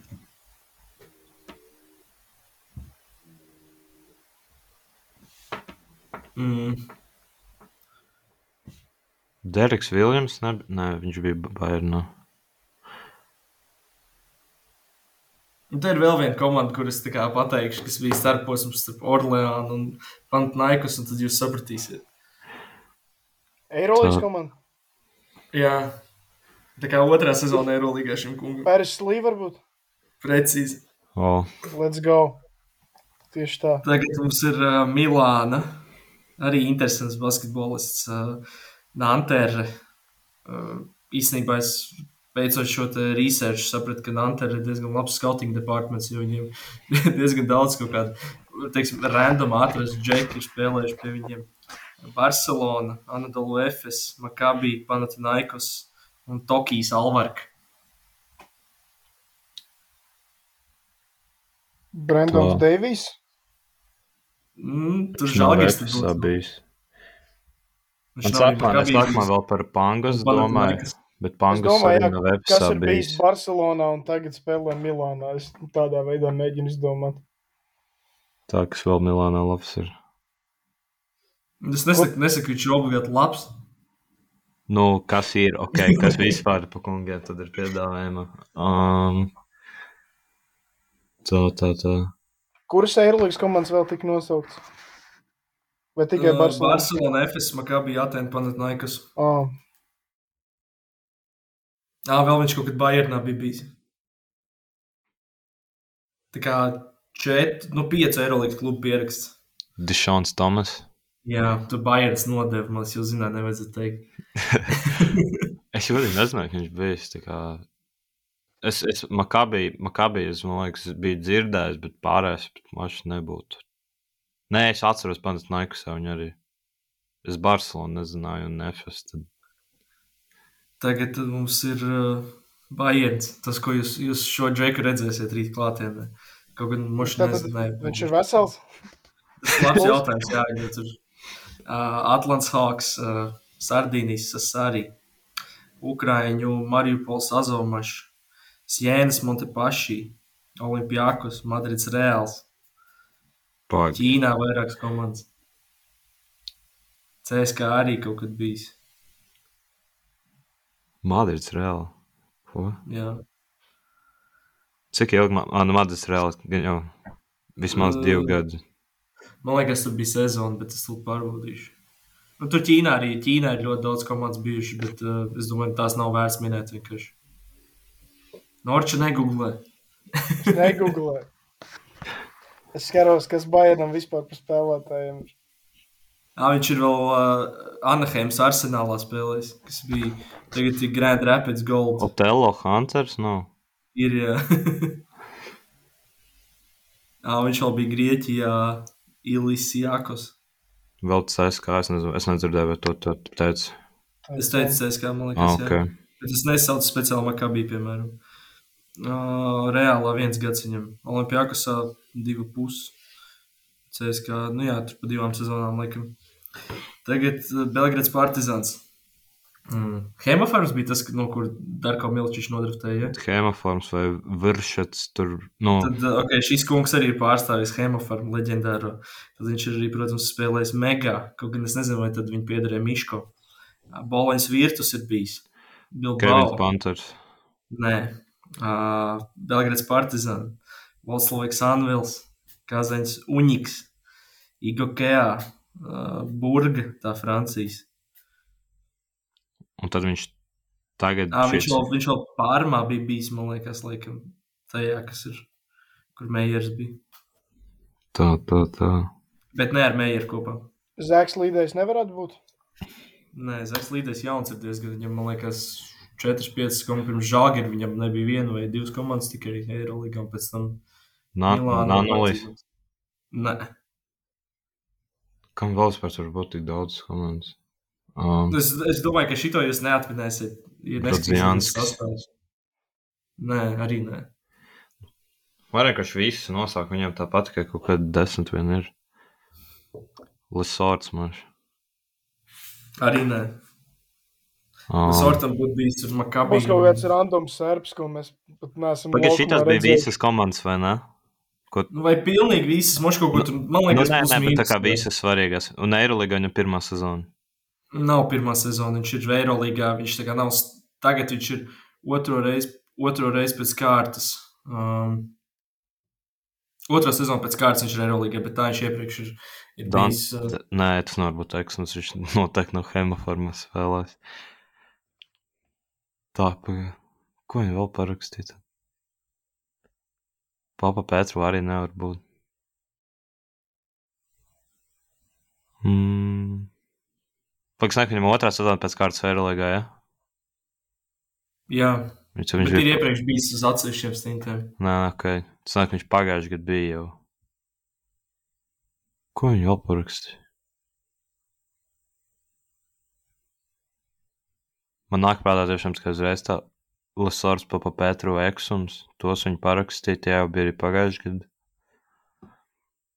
Um, Nanalīze bija pagājušajā gadā, bet tas arī nav. Panthers nebija Eirolīgā pagājušajā gadā, Līdais nebija Eirolīgā. Vukčevičs maš. No kurienes Vukčevičam kaut kāda desmit klubu karjerā? Es nezinu, varbūt kaut kur pabraukāju. Nē, Nē, es nezinu. Es vienkārši domāju, kas vēl tur ir Eirolīgā vispār pirms tam bijuši. Um, Kādas par viņu spēlētāji ir? Es teicu, ka šitais būs grūts. Es domāju, saka, priekšā Kristiānai vienkārši. Labi, es nosaukšu, hi, pateikšu hintu, ka viņš uh, vienā puslaikā kaut kāds 20 punktus iemet. Andžušičs. Jā, jā. Es aizmirsu par viņu vispār. Labi, pēdējais mums ir palicis Alba. Nu, šis man liekas salīdzinoši vienkārši. Uh, man reisa Barcelona, Gran Canaria. Tā.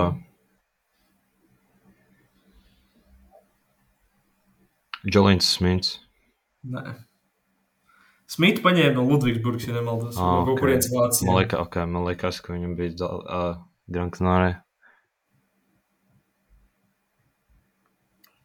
Kā tur vēl par spēlētāju? ir? Nu, Viņš ir potenciāli viens no līderiem, bet viņam nevienmēr sanāk to parādīt. Pag- Teikšu tā. Okay. Nu, Tas nav Lukas Sīkma, tas nevar būt Ma- Maudo Lo, tas uh, nav. Kāda vēl viņam par līderi? Tas noteikti no Ma Zulsmanas. Malta dīlos. Maldīlos arī nav. Jonas Matis, kas es pieņemu arī Barcelonā nav bijis.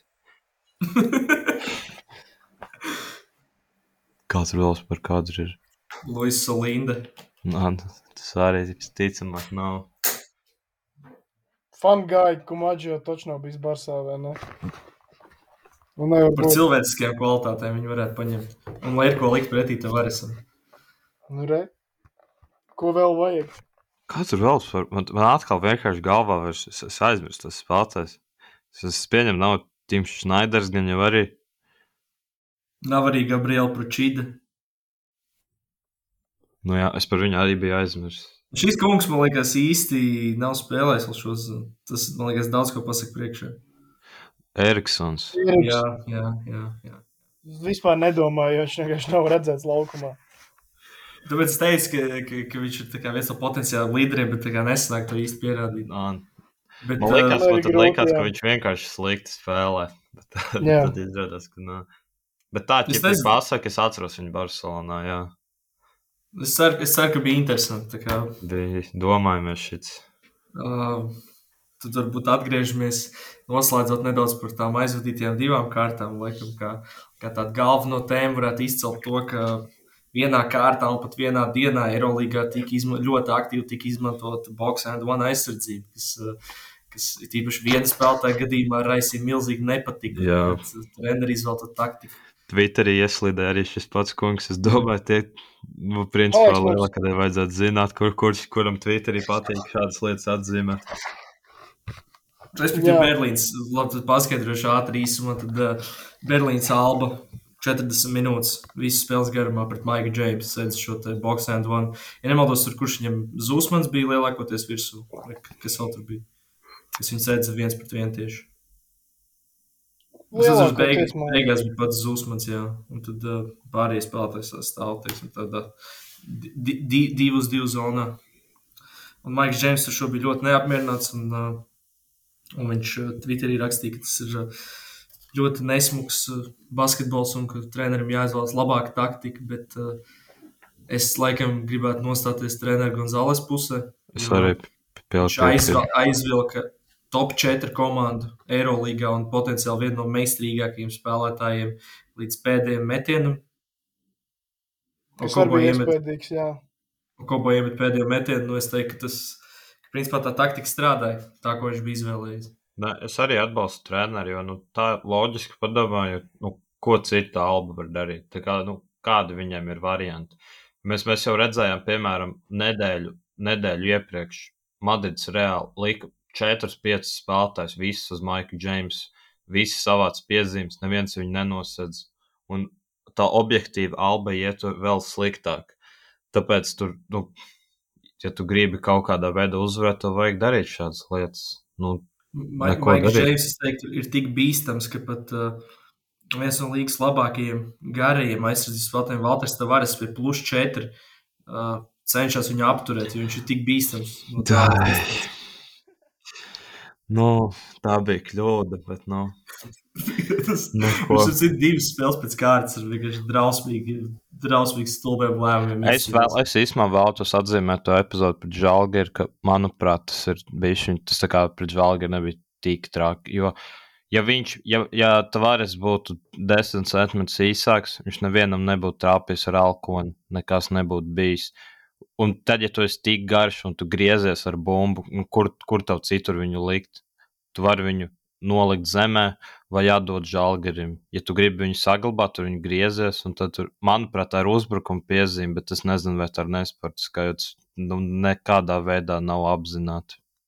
Kā hokeja uzbrukums galvas kakla rajonā 15. Bet es nezinu, vai basketbolā tas kaut ko ietekmē. Tas ir galvas kakla rajonā. Man liekas, tas ietekmē, tas būtu apzināti. Jo tad tikpat labi, piemēram, uh, ja, ja tu esi uzbrukumā ar bumbu un tu, es nezinu, kaut kā grozies un tas spēlētājs ieskrien alkoņos. Man liekas, tur vienkārši tāda uzbrukuma piezīme, tā nav nesportiska.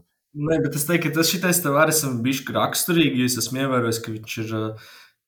Man liekas, tieši kaut kādās pēdējās dažās sezonās viņš ir palicis nesavaldīgāks. Viņš nedabū to kaulu pret sevi, viņš diezgan aktīvi vēršas pie tiesnešiem. Un, uh, brīžiem tiešām viņš, man liekas, izmanto šos netīros paņēmienus. Jo Šmits vispār arī, arī ACB līgā, es gribētu teikt, bija viens no labākajiem, kurš vispār varēja varēs apturēt. Nu, apturēt tādu nosacītu, jo viņš pārsvarā viņu sēdz, es atceros pagājušā gada sezonas tajos finālos, un tur nu, neviens neapturēja viņus. Tāpēc, nu jā, nu, viņš, viņš ļoti labi ierobežoja. Es tagad, man vajag uztaisīt rīsešu. Viņš labi status savāds. Es atceros, viņš tāpat viņam bija ļoti solidi cipari tajos finālsērijā pret Barcelonu. Labi, es, es veikšu rīsešu, es atceros to vienu spēli, kur viņš viņu pilnībā izslēdz no spēles. Nu, es nezinu, varbūt, bet nu, kopumā, jā. Bet atgriežoties pie, pie Maika Džeimsa, tad uh, diskusijā ar viņu Twitterī par šo boxe and one aizsardzību iesaisties arī Latvijas basketbola leģenda Kristofers Valters Adolfs. Ah, viņš neredzēs to nemaz tur, tur bija interesanti, ka, ka Adolfs raksta atbildēja Maikam Džeimsam, ka, ka, ka, ka viņam ļoti patīkot boxēt un aizsardzību, jo, jo savā laikā ACB līgā viņš šo ir izmantojuši 4. ceturtajās un uzvarējuši vairākas spēles. Un, uh, viņš gan neminēja, vai tas bija ar Fuenlabrādu vai ar, ar Hoventutu vai ar, vai ar Unikāhu, bet tāds fakts ir bijis. Un uh, Maiks Džeims, respektīvi, argumentēja Adolfam, ka, ka 40 minūtes. Jā, viņiem, viņiem aizgāja normāli saraksts. Uh, viņš atbildēja, ka 40 minūtes tas esot par trāku, un ka, ka kā tā var būt laba aizsardzības taktika, ja viņš esot saviem partneriem izveidojis 15 brīvus uh, metienus. Uh, es nezinu, spēles rezultāts parāda, ka, ka praktiski gandrīz šī taktika nostrādāja. Un, ne, bet... kas, bija, paga, Ātulīt, kas bija pats interesantākais šajā sarakstā, tad Adolfs izgājis kontaktu ar Maiku Džeimsu, ar, ar Eirolandes superstarru. Pats smieklīgākais bija tas, ka viņš nebija lietas kursā par to, ka Alba šo aizsardzību sēdz pret Maiku Džeimsu. Jo viņš prasīja, uh, pret ko viņi sēdza to.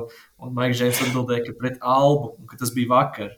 Un Ādams nebija, diemžēl, lietas kursā par to, ka viņš vispār domāja, ka Monako sēdz 40 minūtes box and one. Uh, un viņš bija šokēts, ka tas notika pret Albu, nevis otrādi.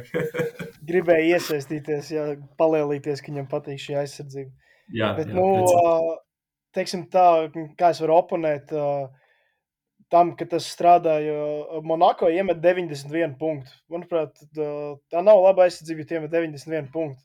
Tiksim, tā, tur ir arī kaut kāda taisnība Maikam Džeimsam. Labā lieta ir, ka viņi apturēja Džeimsu no punktu gūšanas. To viņi izdarīja, jo Džeims, man liekas, tikai četras reizes vispār uzmet pa grozu, ja nemaldos, un astoņas punktus iemet. Bet tā teikt, piespēles un brīvos metienus man nākā atrada un 91 punktu iemet. Problēma, kāpēc šī spēle bija sīva, bija tā, tāda, ka Monako nevarēja nosakt albu, teiksim tā. Ja Monako labi strādātu aizsardzībā, viņi, piemēram, būtu vinnējuši 90, 70, un mēs runātu tieši otrādi. Uh, Boxing One nekam neder, pilnīgi bezjēdzīgi un tam līdzīgi. Tagad, teiksim, tā laba reklāma tam Boxing One sanāk tikai tāpēc, ka Alba arī met pretī, un tāpēc ir tas līdzīgais rezultāts. Taču pretējs piemērs droši vien būtu tas, eh, es nezinu, jūs gribēsiet pakomentēt vai nē, bet uh, Virtusam, kad viņi pēdējās minūtēs pret Makabiju sēdz, uh, tur bija arī atsevišķi video, atsevišķi izgriezumi. Tur ļoti labi nostrādāja tas boxing man, un tur viņi reāli apstādināja to uh, Makabiju uzbrukumu. Bet uh, šajā spēlē es neteiktu, ka Monako tika apstādināts. Maiks Džeims tika apstādināts, bet uh, Monako netika apstādināts. Bet, zini, kāpēc man liekas, neraugoties uz šo 90, 92 ielaistiem punktiem, kāpēc tā bija laba taktika no Makabijas puses vai kāds no Albas puses? Nokaitināt uh, Džeims un Twitter. Nē, tīri tā iemesla dēļ, ka spēlē nevarēja piedalīties Jordans Lloyds. Jā. Un, uh, vispār viņi, viņi atstāja visu uz Kobo pleciem. Nē, es arī nu, es kopumā, pēdējās sekundēs. Es kopumā no Alpas perspektīvas es arī es labāk gribu, lai, es nezinu, Blossam gan met brīvas trojkas, nekā Maiks Džeims met jebkādas metienas. Tāpēc tev jau kaut ko vajag izvēlēties. Nu, viņi nevar viens pret viens viņu nosakt. Neviens nevar. Tad tu vari izvēlēties, vai tu atļauj viņam darīt, ko viņš grib, vai tu atļauj citiem. Es, es labāk gribētu, lai citi met ja viņi var iemest, tad, ja tu zaudē Blossam, tad ok, neko darīt, ko, ko, ko, ko citu. Bet Maikam Džeimsam tu jau vienkārši bez mazliet padodies, ja neko nemēģini darīt pret viņu. Bet eh, šajā mačā es vēl gribētu atzīmēt, ka Tims Šnaiders aizvadīja karjeras maču un trāpīja 5 stāvmetienus. 5-5 nemaldos. Viņš arī diezgan ļoti turēja viņu spēlē. Un vēl Blossam game arī bija laikam karjeras spēle, ja nemaldos, 16 punkti. Bet uh, es teiktu, ka James ar, ar šo spēli sevi simt, labi, gan jau, ka neviens par to iepriekš nešaubījās, bet es teiktu, ka viņš vēl vairāk apliecināja savu statusu kā, kā viens no, nu, kā principā pilnīgi noteikti stabils top 3 spēlētājs Eirolandā. Jo jūs paši zināt, ka ir, ir tie daži spēlētāji, kuriem, teiksim, tu, tu izslēdz scoringu, un viņš ar neko citu vairs nav liederīgs. Es pieļauju, ka Dvains Beikons varētu būt tāds gadījums. Dvains Beikons, jā, es īsti nu, teiksim, redzēju, ka viņš kaut ko citu darītu. Un, un, un tad tu viņu, teiksim, vairs nevar skaitīt pie tādiem pašiem elites basketbolistiem, bet uh, James ar visu to viņš atrada citus veidus, kā būt liederīgs komandai, un arī tajā pēdējā brīdī uz pēdējo metienu. Nu, bija teiksim, gatavs nokļūt malā savu ego un deva, uh, deva iespēju Okobo. Es arī redzēju, tieši pievērst viņam uzmanību pēc tā, tā tālmetiena. Viņš būtu neskrēja pie, pie Okobo, bet viņš tāpat ar, ar šo te tā saucamo tenisa rociņu atzīmēja, ka, ka ir, ir bijusi uzvara un ir uzvarēta spēle. Jā, es teiktu, viņš. Šādi arī porziņš, tad, kad vēl spēlēja kopā ar Dončiču, atzīmēja Dončiču uzvaru nesošos metienus. Tenisa rociņu mierīgi nākot klāt. Starp citu, vēl aizstā, aizstāvot Albu, es gribētu pateikt to, ka tad, ja tu esi pretinieka komandas līderi nokaitinājis tik ļoti ar savu aizsardzību, lai viņš iet pēc tam Twitterī rakstīt neapmierināt, man liekas, ka tas ļoti labi darbu paveicis. Tas gan, jā. Es vismaz tā, ja, ja, viņ, ja viņš būtu priecīgs par to, cik Alba forša aizsardzībā spēlēja, tad man liekas, tad tu neesi baigi labi tur strādājis. Zinām, mēs nezinām, varbūt Maiks bija dusmīgs, varbūt ne jau varbūt tā iemesla dēļ, ka viņam ir līgumā kaut kāds punkts, ka viņam jāsavāc konkrēta statistika. Un tad uh, viņš dabūja kaut kādu bonusu, kā tur bija. Kur NBA nemaldos pirms pāris. Tur katru sezonu kaut kas tāds gadās, bet bija, ka Alfa Ruksa Minuja nemaldos, vai Morīs Harkls, Harklis, kurš spēlēja Portlandā to brīdi. Viens no viņiem pēdējā spēlē sezonas nemeta tālmetienu, jo tas būtu. Procents sabojājis. Jā, sabojājis tā, ka būtu zem tās robežas, ka viņš nedabūtu to bonusu.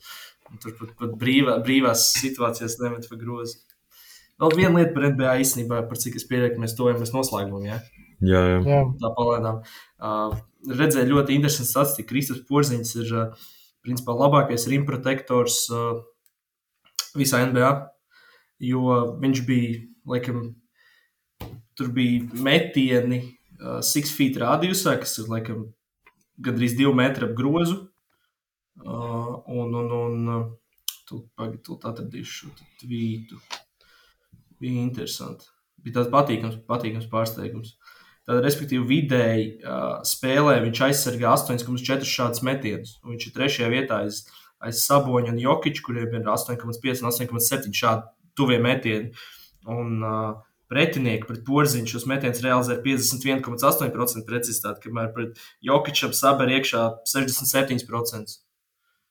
Un Sabonim vai par Sabonim? Sabonim 56,3.Embīdam 65, uh, Mailsam Turneram, kurš arī ir elites līmeņa bloķētājs 62. Un tad diezgan pārsteidzoši, bet uh, otrs labākais ir Brooks Lopes. Viņš jau bija, viņš jau diezgan, tas jau viņam galvenais uzdevums, principā. Sargāt tā groza un uzbrukumā mēs kaut kādas trojkas. Jā, bet es viņu kaut kā par, man viņš nekad nav asociējis tādu baigo aizsardzības kāplu. Nu, ja tas ir garšais, tad jau tur, nu, gribi, negribi, būs labs rimprotraktors. Tā kā tā, tāda interesanta statistika, te, ka Kristaps diezgan underrated. Bet runāt par Kristapu, viņam vēl šogad ir, es teiktu, tādā tik reāls iespējas uz Alstar spēli, kā viņam nav bijušas kopš tā gada, kad viņš tehniski tika uz viņu Ņujorkā vēl. Jo es skatījos, viņš balsošanā, viņš no Austrum konferences forwardiem, viņš bija, man liekas, kaut kāds sastais rezultatīvākais. Mums vajag uh, atvērt balsotuvus. Tā kā Mums bija, bija vajag- sports tāpēc- formā, kad, kad par Zemgus Girgensonu balsoja. tad Varā, varā, tāpēc, kā, bet man liekas, ka šeit tas īsti tā, viņi jau par to ir apdrošinājušies, lai tā nevar. Jo, jo man liekas, ka viņiem bija kaut kas tāds, ka skatītāju balsojums ir vērts 50%, un tad tur ir kaut kādi tur uh, executives un, un Nē, pārējie 25% bija spēlētāji. spēlētājiem, 25% mēdī. Ah, Okay. ok. Executīvs pat laikam īsti nebija. Ah, viņi ir tajā- ah, tie executives, man liekas, ir uz to, uz, uz, uz, uz beņķi, jā. Jā. Bet es Vai domāju, Paul- ka ir iespējas šo, šogad tikt iekšā. Vai Paulo Bankero būs pirmais rūkīs kopš, kurš tur bija pēdējais, kaut kādā desmitajā gadā, vai kad, kurš tiks All-Star Griffins nebija. Varētu būt, jā. Jā, Kristopam ir labāks statistika kā Bankēro. Es Bet domāju, ka Bankēro game. varētu tikt tikai tāpēc, ka kaut kāds hypes, jo viņš, nu jā, viņš rūkīs. Bet tā reāli Kristopam labāk cipari ir. Labi, at- atgriežoties pie Eirolandes, un vēl varbūt pie tā, ko runājām pašā sākumā, vai jums nav stress par to, ka, ka Fakundo Kampaco vismaz sākumā varētu būt tāds tā kā Kevins Pangos. Es domāju, sākumā būs diezgan sūdīgi, jo viņš jau vēl sezonas sākumā jau, nu, viņš NBA minimāli spēlēja arī. Un, un kaut kur jau Pangos nespēlēja gandrīz necik. Teiksim, ka- kam pats vēl spēlēja, tomēr vairāk. Nu jā, bet tāpat tā kā spēļu, spēļu praksa jau tāpat, nu, principā nekā tu uznāc laukumā uz reizi nedēļā uz četrām minūtēm. Nav, nav gluži tas, ko, ko tu vēlēsies, kā spēlētājs sajust. Tāpēc man liekas, ar, ar laiku būs ok, bet sākums varētu būt smags. Man tieši liekas, ka, ka, ka, ka viņš ātrāk varētu teiksim, atgriezties tajā savā vecajā līmenī nekā Pangos. Tā iemesla dēļ, ka, ka viņam tas spēles stils ir. Es teiktu, tas ir salīdzinoši pateicīgs un nemainīgs. Nu, viņš tādā vienkārši ir tāds nazīts, kurš, kurš daudz dur cauri, ņem uz, uz ķermeni, uz, uz masiņu. Ņem, uh, Masiņa? nu, viņš Tas tāds nesaka kaut kāds 50 kg. Nē, nu viņš tur pats, mēs, mēs šādu tipu spēlētājus par muciņām saucam. Nu, viņš tāds, mēs, Viņ, viņš, viņš pat nav tik izteicis mociņu, man liekas, viņš Nu, bija šī bišķi- mociņai. kaut, kas, kaut kas, kaut kur es šito dzirdēju, ka, ka tev pa televizoru viņš izskatās daudz savādāk nekā dzīvē, ka viņš, viņš nu, tāds tā kā Šakīrī futbolā, nu, ka viņš fiziski ir reāli, nu, ar visu to, ka viņš nav pārāk liels. Un es domāju, ka Pangos nav tik fizisks, un viņš arī daudz ko tur, teiksim, balstas to tālmetienu, viņam tur pārliecība pazudus vēl kaut kas, teik, ka pats vēl tādā ziņā daudzveidīgāks bija šīs. Nu, viņš mākslinieks. Ir, jā. Bet jā. nu, es ļoti ceru, ka viņš nākamajā vasarā nāks pie prāta un atgriezīsies mājās Madridā. Iz- Pietiks jau te ķēmoties kaut kādās surveillance zvezdas spēlēt. Man liekas, man liekas, tiešām pietiks ar šīm muļķībām. Vēl te kaut kāds pāris lietas, kas man pierakstīts par, par uh, aizdīto kārtu. Jūs varat droši piebilst, ka uh, Olimpijākas zaudēja no plus 21 asvelam. No plus 21 zaudēja asvelam. Asvelam vispār tagad trīs uzvaras pēc kārtas. Viņa vinnēja arī Barcelonu ar Dekolo pēdējo metienu. Un es atceros, mēs kaut kad runājām, ka Fantasijā, tad, kad uh, kaut kāds labs mazais spēlētājs spēlē pret Partizanu, var ņemt to spēlētāju. Un uh, Nando Dekolo Partizanam iemet 32 punktus. Uh, es, protams, viņu nepaņēmu, bet, uh, nu jā, skatāmies, varbūt nākotnē šādas lietas. Uh, Fenerbahčs ir zaudējuma sērija. Bet, nu, Fener-. Jā, traumas. Jā, Fenerbahčs šeit tas ir plus-mínus attaisnojumi. Tas nav, nav Milāns variants. Viņiem ir tagad arī Motlīs ir izkritis ārā, Džekiri uz diviem mēnešiem ārā, Vilbekins ir ārā. Kaut kas tur vēl bija. Tieši, tieši paldies, ka pieminēji Milānu. Jo tieši to arī mēs teicu, 58 treniņu laikā nereizi nav bijis pilns sastāvs. Tā kā es teiktu, ka Milānai tas ir vienkārši mai, maigāks Milāns variants. Nu, Milānai jau vienkārši tas, ka viņiem viens spēlētājs nav bijis vispār, un tas arī savā būtībā, tāpēc arī nav. Es domāju, Tur arī pārējie. pārējie ir ilgstoši izkrituši. Tur, tur nav bijis tā, ka viņi. Nu, bet tā jau visām komandām ir. Tur nav, nav nenāk prātā tā uzreiz tādas, kur visi būtu veseli. Nu, vismaz vienu treniņu ir aizvadījuši kopā. Nevis kā Milāna, pilnīgi nevienu no Eiropas čempionāta sākuma. Nevienu. Bet viņi pārtrauc zaudējumu sēriju. tā kā Vairs Nu, es, nu, jā, bet runāt par tiem treniņu. Es domāju, piemēram, Anadolu FS varētu būt, ka viņi aizdīja principā precīzi vienu treniņu, jo Šēns Lārkins satraumējās pirmajā spēlē jau, ka viņš atgriezās. Kam vēl? Būtībā tas Ah, pats. jā. Fener, Feneram vēl Bielits vēl joprojām nav spēlējis arī. Feneris arī tad nav trenējušies pilnā sastāvā. Tā, kas vēl. Es īstenībā, man par, es šo pašu domāju par reāli, jo es neesmu drošs, vai viņi ir, jo Rudijs Fernandes satraumēs sezonas pirmajā spēlē, bet man liekas, ka viņam vēl kaut kas bija izkritis, tad arī jāraus sezonas sākuma. Vēl, Barcelona ā, vismaz veselīgi tagad ir. vēl Baskonija ir ļoti karsta komanda. Aizbrauca Double Game Weekā divreiz vinnēja Turcijā. Kas, manuprāt, Tas bija ļoti svarīgi. ļoti sarežģīti izdarāms. Jā, un, tā kā viņi labi izstāsta. Un, Nē, bet es saku, ļoti svarīgi no turnīra tabulas viedokļa. jā, arī noteikti. Jūs ļoti, ļoti liels uzvars. Tas ļoti noderēs. Jā. Man liekas, vēl Baskovs ir viena no tām komandām, par ko mēs pirms sezonas runājām, ka viņiem principā izkāpt ārā no pēdējās vietas jau būtu panākums. Tieši- šeit, tieši šeit mēs esam nedaudz garām aizšauši arī. Tieši par šo redzēju arī atbilstoši tvīt, ka katru septembri mēs skatāmies uz Baskoviem, mēs nesaprotam, kā tā ir Eirolandes komanda. Un tad katru decembri mēs apdedzinamies, jo viņi ir cīņā par plēfiem. Bet es, nu, es neticu, ka beigās viņi kaut gan viņi varētu noturēties, jo tur man liekas, ka ir sešas stabilas playoff komandas. Jā, un un tad tur kaut kāds- tālāk, Milāna, Mil, man gribētos cerēt uz to Milānu, bet es īsti neticu. Nē, nē, laikam, nē, nē tomēr. viss, ta- tas ir beidzies. Un tad uz Jā, es tām- Vai šito, šito maiju atcerēsimies? Man, es, arī- man, reāli, es, man gribās ticēt, ka viņi pēc, uh, pēc, uh, pēc jaunā gada uztaisīs kaut kādu rānu un, un tiks iekšā. Viņiem reāli Varbūt ne, tiks iekšā bet, varbūt ne tiks iekšā, bet viņi beigās būs cīņā par to vietu. Viņi Nu, ir reāli. Trīs, trīs uzvaras viņiem. Nu, nē, viņiem reāli jāuzvar kaut kāds 6 pēc kārtas, lai vispār līdz 50% uzvarām tā teikt. Okay, Tāpat vajadzēs vēl vairāk, gan jau, lai tiktu plēfos. Viņi nākamajās trīs spēlēs viņiem visticamāk ir divi zāģi. Tas ir Nu, sūdīgi. paldies, paldies. Nu, es domāju, ka zaudēs Monako. Viņi var mājās uzvarēt Valenciju, lai gan viņi mājās laikam joprojām nav uzvarējuši. Un Tad ir Reku, es varu izmantot iespēju noģinksot kādu komandu. Es tagad pateikšu sešas komandas, kuras 100% būs plēfos. Nekas nevar noiet greizi, pilnīgi vienalga. Neiet, nekrīt trauma, vēl kaut kas, nekas nevar noiet greizi.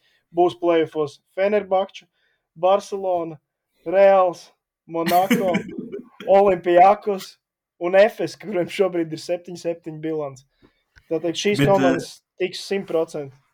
Un Reku, ā, es- arī, arī tiks, jā. pareizi. Es atradu desmit dienu nogriezni janvārī, kurā Olimpija var atgriezties cīņā par plēsoņiem. Vismaz atgriezties kaut, atgriezties sev kaut cik kā nopietna komanda. New Year, Viņiem ir New double Me. gamings, viņiem ir double gamings, kur viņi spēlē Berlīnē un uh, mājās uzņem žālgiri. Un pēc tam nākamajā nedēļā viņi mājās spēlē pret Asvelu. Uh, ja viņi tur nepaņem, ja viņi tur nepaņem 3-0, 3 uzvaras, tad, tad es piekrītu, ka tur viss ir beidzies. Nu, tur nevar viņu jau pret Žalgiris spēlēt tajā nedēļā. Kāds 3 Izbeidz, izbeidz. Tas žēl. Nu, vēl vi- vienīgais, to, kādu nu, to zaudējumu var atsvērt, tad, ja viņi pārsteidz un uzvar Olimpijakus vai, vai Monako. Nē, nē. Bet kopumā man liekas, ka tur cīņa par tām pēdējām divām vietām uz plēsoņiem būs ļoti interesanti. Jo tur ir jā, tā Baskonija, Makabija, Žalgiris, Zvezda, Panathinaikos arī pat nevar īsti vēl atskaitīt. Nu, tad, nu, tā tālāk, gan es, ja godīgi, Valencija, Virtus, Asvel, Partizans. Nu, Pagaid, kā tu atskaiti, tu neatskaiti Panathinaikos un tu atskaiti Virtus, piemēram. Nu, tad man viņa kaut kā nedaudz pārliecinošāk tomēr liekas. Es nevaru, pat, es nevaru izskaidrot tā kā ar objektīviem iemesliem, vai ko tas, tas vairāk tie ir tā teikt čujs. Man viņa kaut kā, es nezinu. Starp citu, par Virtus saka, ir aizmirst. Viņi esat tuvu, lai dabūtu Ahilu Polonāru. Tā runā. Ah, nu, tā, Viņiem tā. noderētu. Jo FS viņi tāpat neizmanto nekādā veidā. Un Andrejā Trinkjēri arī, es domāju, nepiekritīs, ka Bajens ir ārā no plēfiem. Nu, nu, viņš var nepiekrist, bet no objektīvi Mēs viņam, viņam arī tā pateiksim, kas ir kas. nu, viņam objektīvi ir 5, 9 bilants, un tur man liekas, zem Un viņam būs- vēl ir Milāna, bet es tomēr, man, es Milānai gribētu likt lielāks izredzes tam plēfiem. Bet uh, vienai komandai ir Aizaks Bonga, otrai nav. Ak, nē, traki. Nu, viena komanda, ko var, es tagad varu simtprocentīgi atskaitīt, Alba nebūs plēfos. To mēs varam te apgalvot un diezgan droši teikt, Alba. Varbūt viņiem padodas vēl viens vinstrīks. Pirms mēneša atgriežas, viņi neko nezaudēja. Pirms mēneša mēs jau par albumu plēfiem, kā tad 50-50 runājām. Nē, tas bija senāk vēl. Viņi uzvarēja, man liekas, viņiem bija 3-0. Ja? Viņi iesāk 3-0, un tagad viņiem ir 11 zaudējumi pēc kārtas. Un, un, tad es ļoti skaidri runāju par. Es joprojām turpinu mocīties šo vārdu. Ļoti skaidri runāju par, par to, cik nozīmīga ir kontinuitāte. Jā, Kont, tā. Nu, es nemāku viņu izrunāt, bet jūs saprotat, ko es domāju. Jā, labi, jā. Mēs gan jau tagad uh, uz beigām varam varbūt nedaudz uh, tā saucamajam malnie nāvē pieskarties Rīgas vēfņiem. Ah, vakardien, nē, vakardien aizvakar uh, ar Norbertu bija tā iespēja apmeklēt viņa sezonas pēdējo maču. Nu, Čempionu līgā. Es, es, es gribētu kopumā par uh, viņu sezonu pateikt, ka uh, es pat īsti nezinu, ko vainot, jo viņi netrāpjas pāris spēlētājiem, bet es nezinu īsti, ka, kas, tur, kas tur pie šī visa, ko vainot spēlētājs, treneru vai ko. Jo es neticu, ka viņi, piemēram, skautoja Danielu Hamiltonu pirms sezonas, un viņi domāja, ka viņš būs aizsardzības spēlētājs. Kaut nu, kas viņam, viņam stāti bija nereāli, un viņš tur pat, uh, kur Grieķijas līgā, laikam pat Eirolandes komandām varēja piebērt kaudz ar punktiem. Un, uh, nu, varbūt, ka gaidīja, ka viņš, nezinu, būs uh, droši, bumba būs drošāk viņa rokās, teiksim tā, viņš tur mm, nebija gaidīts, ka viņš tik daudz kļūdīsies, tik bieži un tik uh, vienkāršās parastās situācijās. Es, piemēram, varu pateikt no pārbaudas spēles savu pieredzi. Mums bija pārbaudas spēle pret VF arī Lūsu septembrī. Es izēju laukumā, un man jāsadz Hamiltons. Pirmā aizsardzība. Man liekas, ka, ok, es tagad sekšu Džeku, kurš uh, NBA tur ir uzspēlējis. Ja? Es piegāju klāt viņam, un viņš uzdribblēja savus kājas uzreiz. tā kā man nebija nekas jādara. Nu, protams, viņš ir talantīgs. Viņš tāpat, tā, ka viņam aiziet spēle, viņš tur var. Viņš, viņš pat žēlgirim tur pārbaudas spēlē iemet arī tuvu 30. Jā, tā kā viņam Šo ir tas triple double savāds arī. Jā, jā, ir, ir, daudz.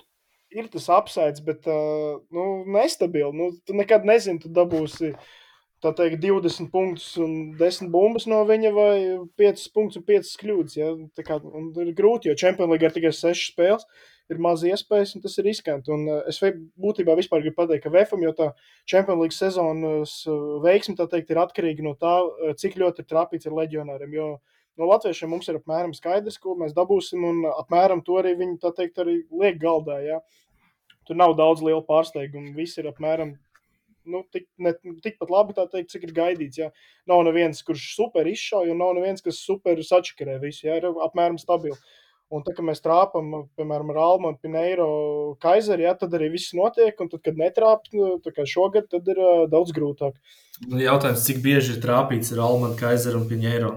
Div, divreiz uh, kopš VF dibināšanas. Vēl bija, kad bija IJs Rolands un Vils Daniels. Tas gads vēl. Monāts Zavāckis un uh, Antons Kaviļovskis. Nu, mēs esam, principā, VF ir sanāk tā reāli trāpījuši, jā, divreiz pa nu, 15 gadiem. Nu, Nē, tā... okay, tur bija sākumā, bija, es atceros, Aleks Renfro bija labs, tur bija Nē, tur ir, tur ir dažas kā, labākas, sliktākas sezonas, bet kā, divas, kad bija patiešām labas. Tas, tas bija tā tās vienīgās. Jo bija arī tāda, piemēram, bija, es atceros, ka bija Aleks Pēres, bija tīra ok sezona, tad vēl bija, kad bija. Pako Krūs. Pako, bet nu, tāda nebija arī īsti, jo viņi zaudēja val, Valmierai, tāpēc tu īsti nevari skatīties. Nu, tad, nē, bet es domāju, ir no tāda leģionāra perspektīvas. Nē, Pako, bet, nē, bet tajā Pako Krūs gada arī citādāk nedaudz, jo viņi viņus parakstīja tajā stabijā tā Karls Frādas sezona, kur viņam Rubī, kopā bija, man liekas, 45 leģionāri parakstīti sezonas laikā. Spānijas basketbola leģenda Guillermo Rubio. Jā, jā, un tur visādi Kvins McDowells vēl joprojām viens no maniem mīļākajiem basketbolistiem. Nemaldos, Kvins McDowells šobrīd bija kaut kādā NCA diezgan labā komandā, viens no asistentiem. Bet man ir jums jautājums, nosauciet sliktāko. Un es ceru, ka te nebūs nekāds recency bias. Tā kā lūdzu atmetiet to, nesiet objektīvi. Tātad Deep Browns Es nezinu, vai viņš vēl bija divu līmeni tajā brīdī atbildējis par. Bija Dīva Browns un Deriks Niks bija tajā pašā sezonā, bet viņš Deep, okay, nebija es, tik slikts. Dībrauns bija pilnīgi briesmīgs. Dībrauns bija, Dībrauns bija bombas, būsim godīgi. Dībrauns, Daniels Hamiltons un uh, es atceros, bija vēl, ja nemaldos, arī nekad tik nebija Rolands sezonā, bija tas leģendārs uh, baltādains aizsargs Lūks Lauks. Tas, Kurš no šiem bija vissliktākais? Un vai Man... viņš spētu iekļauties Gulbens buku rotācijā? Nē, es domāju, ka Daniels Hamiltons Bulkos, Bulkos varētu uzspēlēt. Nu, es domāju, ka uh, Raimons Gabrāns viņu mainīt nost par to, ka viņš sačko defā. Viņš tā kā es labāk, ka es vēl vienu iespēju Raimondam Ļisīcinam. Vēl, vien, vēl viens, ko es varētu īstenībā no šādiem VF, iespējams, visu laiku sliktākiem leģionāriem pieminēt, ir uh, Justins Kops, kurš īstenībā pēc tam izveidoja ļoti zolītu karjeru, bet VF viņš meta, man liekas, cik pusotru punktu. Tā kā Andrejs nebija labs. Nē, Andrew Andrews arī. Bet man liekas, Justins Kopsons vairāk atmiņā iesēdis, jo viņš kā VFā bija nu, šausmīgs. Un viņš jau diezgan ātri pēc VFā viņš sāka normāli. Man liekas, viņš Vācijā spēlēja. Man liekas, Velkams izlasē. Jā, velkams izlasē. Viņš man liekas, joprojām budušnas ir. Viņš. Viņš arī Albā bija bijis vai Bayernā kaut kur viņš bija vēl. Viņam bija solīts CV. Bet atcerieties, Kortnīs Sims, man liekas, tas bija labs. Atceros, tas bija garais spēlētājs. Jā. Bija, bija, jā. Arī no G līnijas, ja nemaldos, arī ar NBA pieredzi. Vēl uh, Justins Hamiltons Tas bija, man liekas, Justins Hamiltons bija vienā no tiem gadiem, kad viņi spēlēja vēl, kad bija Eirolandes kvalifikācijas turnīrs pirms sezonas. Man liekas, vienā no tādiem viņš bija. Bet viņš arī ilgi ne, nebija VFA. Bija vēl, bija vēl ļoti interesants centrs, kurš ir New York Knicks leģenda, Joshua Haraldsons. Bet viņš nebija tik slikts. Viņš tā kā VFA bija tīri, un viņš bija arī tajā Frādas sezonā. Nu, tā kā bija Pako Krūs un Valmiera, tajā sezonā viņš arī bija. Uh, jūs atcerat, es tagad neatceros, kā viņi sauc, bet uh, kaut kad ap to Rolandu sezonu, vai, vai tad, kad bija Dībrāns, bija laikam nākamajā sezonā pēc Rolanda, uh, bija viens leģionārs, kurš kopā ar TTT basketbolu ar kreiso krastu ierakstīja repa dziesmu Latvijā. Un es nemaldos, viņš, viņš tur pat tajā video klipā bija aizrāvies ar marihuānu vai kaut kas tamlīdzīgs. Tas ļoti interesants kadrs bija, viņš arī nebija baigi labs. Un, ja nemaldos, arī no viņa ātri šķīrās. Es neatceros, kā viņu sauc. Nav, nav diemžēl šeit okay. iesēdis. Bet, nu, šogad kaut kā kopumā par to VF. Jāsaka, godīgi, man pat bija šo sezonu divas spēles, kuras vienkārši izslēdz ārā, jo es nevarēju vairs skatīties. Viena bija pret Limožu viesos, un vēl pret, tā, pret, pret Benfiku viesos. Es vienkārši, es nezinu, es nevarēju vairs paskatīties. Es pat tam reizes spēlēju, kas bija Spānijā, kaut kā tīku cauri. Bet, nu, jā, kaut kā nedaudz depresīvu. Un man arī tajā spēlē, pat man reizes liekas, liekas to, ka viena no problēmām VFā ir vienkārši tā kā šajā sastāvā tas, ka pretiniekiem ir diezgan viegli spēlēt aizsardzībā. Jo tev, tev no VFA, manuprāt, ar bumbu ir reāli viens bīstams spēlētājs, kas ir Zoriks un pārējie, pārējos es, es personīgi neuzskatīju par bīstamiem. Tāpēc tev aizsardzībā diezgan viegli spēlēt, manuprāt. Starp citu, ja man reizē būtu segusi šī box and one, es, viņi būtu, man liekas, pat 30 paņēmuši. Bet, nu jā. Es, es, es reku izspēju pro bowlers cauri šobrīd. Uh, VF leģionāriem visiem. Un, uh, es atceros diezgan daudz leģendāru spēlētāju, piemēram, Kenans Bairāmovičs. Vēl Kristians Krajīna, es atceros, viņam vēl nereāli pīķi maksāja. Viņš, viņš bija tāds. Džordžs Bostiks bija labs. Jā. Bija vēl tā Spīdijs Smits arī tāds malts. bet es saprotu, Spīdijs, Spīdijs Smitsam viss beidzās gaļas ar. Bet runā, šobrīd, jā. viņš, šobrīd viņš ir uh, Jeruzalemes Hapoel kopā ar Mareku Meijeru. Arī kaut kā. Tailers Keins. Tailers Kens jau bija pašā, man liekas, kaut kad jau diezgan sen. Jā. Um, Tomas Delinikaitis. Nu, tam, Tomas Dolinkaitis, jā, tur viņam, man liekas, tur bija līdzīga situācija kā ar Kasparu Bērziņu, ka Vēfas, diemžēl, tiesas ceļā spēlētāji piedzina naudu no viņiem. Abduls Gedijs bija labs. Ah, es, jā, es biju aizmirsis. Vēl bija Džerals Robinsons labs. Es, es, atceros, man liekas, es atceros, man liekas, atradu to reperu, kur es biju domājis, ja nevalas bija Chains Gatsons. Bet uh, tu pārbaudīšu, vai tas pēc sejas ir viņš. Jā, tas ir viņš, Čēns Gatsons. Bet es pamēģināšu atrast, man Instagram postā pielikšu klāt to viņa repadzies. Viņš bija uz Rīgā uz kaut kādiem jumtiem iefilmējis. Ludi Hakansons bija labs. Bet viņš pussezonu tikai, diemžēl. Un vēl kuram bija labs CV, CJs Harris. Viņš jau pagājušajā sezonā, kur viņš šogad spēlē. Viņš šogad ir uh, Eiropas līdervienībā Burgā. O? Ja viņi, ja viņi joprojām ir līderi. Man liekas, pagājušajā sezonā Izraels zaudēja kaut kam jau. Hollands Hapoel 15 punktu vidēji. Tā kā viņam arī solids CV. Bet, nu, principā galvenais par VF, jā, ka sezona, sezona bēdīgi. Bet, nu. Es gan, es gan gribētu mazliet atdalīt. Es teiktu, ka viņiem problēma ir uh, izbraukuma spēles. Vismaz nu, tīri Champions League kontekstā. Jo mājās es biju uz visām trīs spēlēm. Es pat teiktu, ka ka bija normāli. Uh, pirmā spēle zaudējums pret Benfiku. Spēle normāli, beigās bija palaida ok. Ja. Pēc tam mājās uh, ļoti labi uzvarēja pret Limožu pa 20 nu, tur, sāk, nu, tur, tur tā, tur uh, VFM sākrit un Limožu vienkārši krāmē ķieģeļus. Nereāls nu, ķieģeļus. Labi, bet, nu, tā bija vairāk tas, vai mazāk sākritība. Un, un, un tagad pēdējā spēle, viņi cik vispār septiņu vīru sastāvā, Kausīs bija saslimis, Abrams ir Gromove prom, un viņi septiņu vīru sastāvā spēlē pret ACB komandu. Un es īstenībā biju pārsteigts, ka viņi vispār nonāca līdz tādai situācijai, kā pēdējais metiens uz uzvaru, kas varēja iekrist, un viņi vispār uzvarēja. Tā bija man, man reses kļūda aizsardzībā, manuprāt. To mēs arī pēc arī... spēles savā starpā runājam. Man rese, ja tā kā visloģiskāk būtu man resais izsoda pie, pie, pie plus divu, tad un, un tad negamblot uz neko tad tu, tu sliktākajā gadījumā tiec uz overtime. Tas ir tad, ja Zorigs iemet abas sodas un tu neiemet.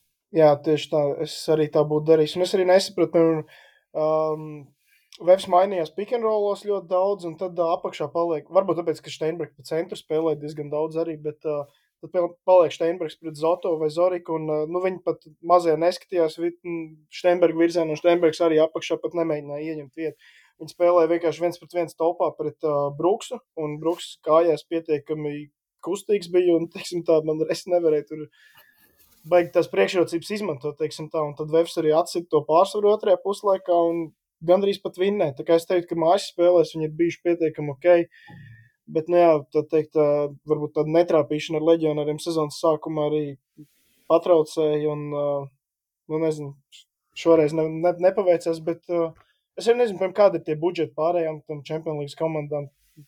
Nu, krietni lielāk noteikti. Nu, es domāju, ka kā minimums reiz, reiz pieci.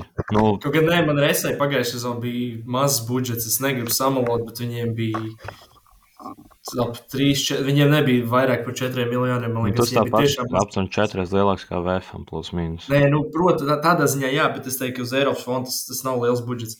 Bet uh, varbūt jūs zināt, kāpēc nespēlēja Matijas Stas un Mārtiņš Gebens, jo tad Steinbergam nevajadzētu tik daudz piecas spēlēt. Es, es neko, nezinu, ne, nezinu ne. es, pats, es pats biju pārsteigts. Es par tās to, ka neredzēju viņu vispār.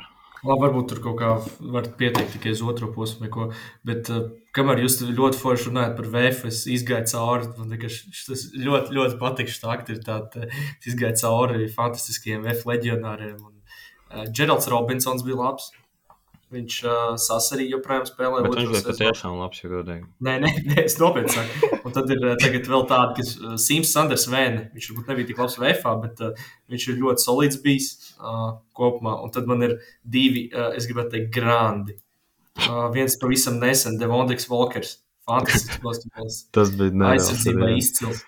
Un uh, tad ir 26 gadus vecs okupantu talants Vladislavs Starateļos.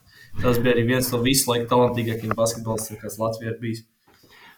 Tur jā. Bija, pēc tam, ja nemaldos, pievienojās leģendārai Tbilisi Vīta komandai un spēlēja kopā ar Pieriju Henriju.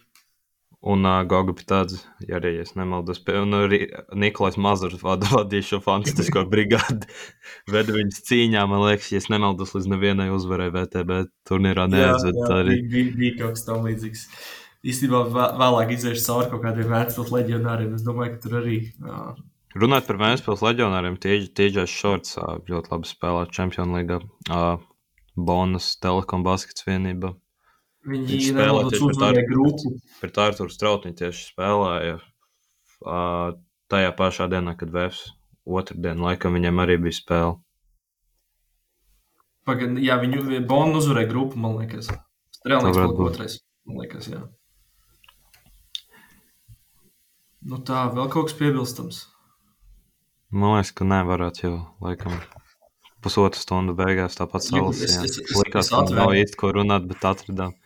Es atvēru Vēnspils leģendārs. Atcerieties, leģendārs gan Baronā, gan, gan, gan Vēnspilī bija tāds mazs aspišs Tots Abernetīs. Jā. Jā, tagad arī, man liekas, kur NCAA treneris. Ar citu, Ole Mīsu universitātes absolvents. Nemaldos tā ir tāpat, kur Kārls Šiliņš bija. Vai ne? Tā varētu būt. Es nā, nāsu īsti droši. Pārbaudīt. Laikam varētu, varētu apaļoties, nekungi. Vai jāpārbauda šī reize, lai nav tā, ka mēs nobeidzam ar kaut kādu nepareizu faktu. A, viņš bija vienā sezonā Ole Miss, un pēc tam viņš aizgāja uz Florida Atlantic Owls. Tā kā jā. Varam tad noslēgt. Ja? Jā, jā, es domāju. Paldies visiem, kas tad. Pēc tiekamies, tiekamies rīt, tiekamies rīt Kaunijā, svinam Kauņas uzvaru un priecīgus Ziemassvētkus. Un nododam sveicienus Andrejā Trinkjērī. Jā, jā priecīgs Ziemassvētkus. Andrēs un Hopstam arī. Davai. Čau.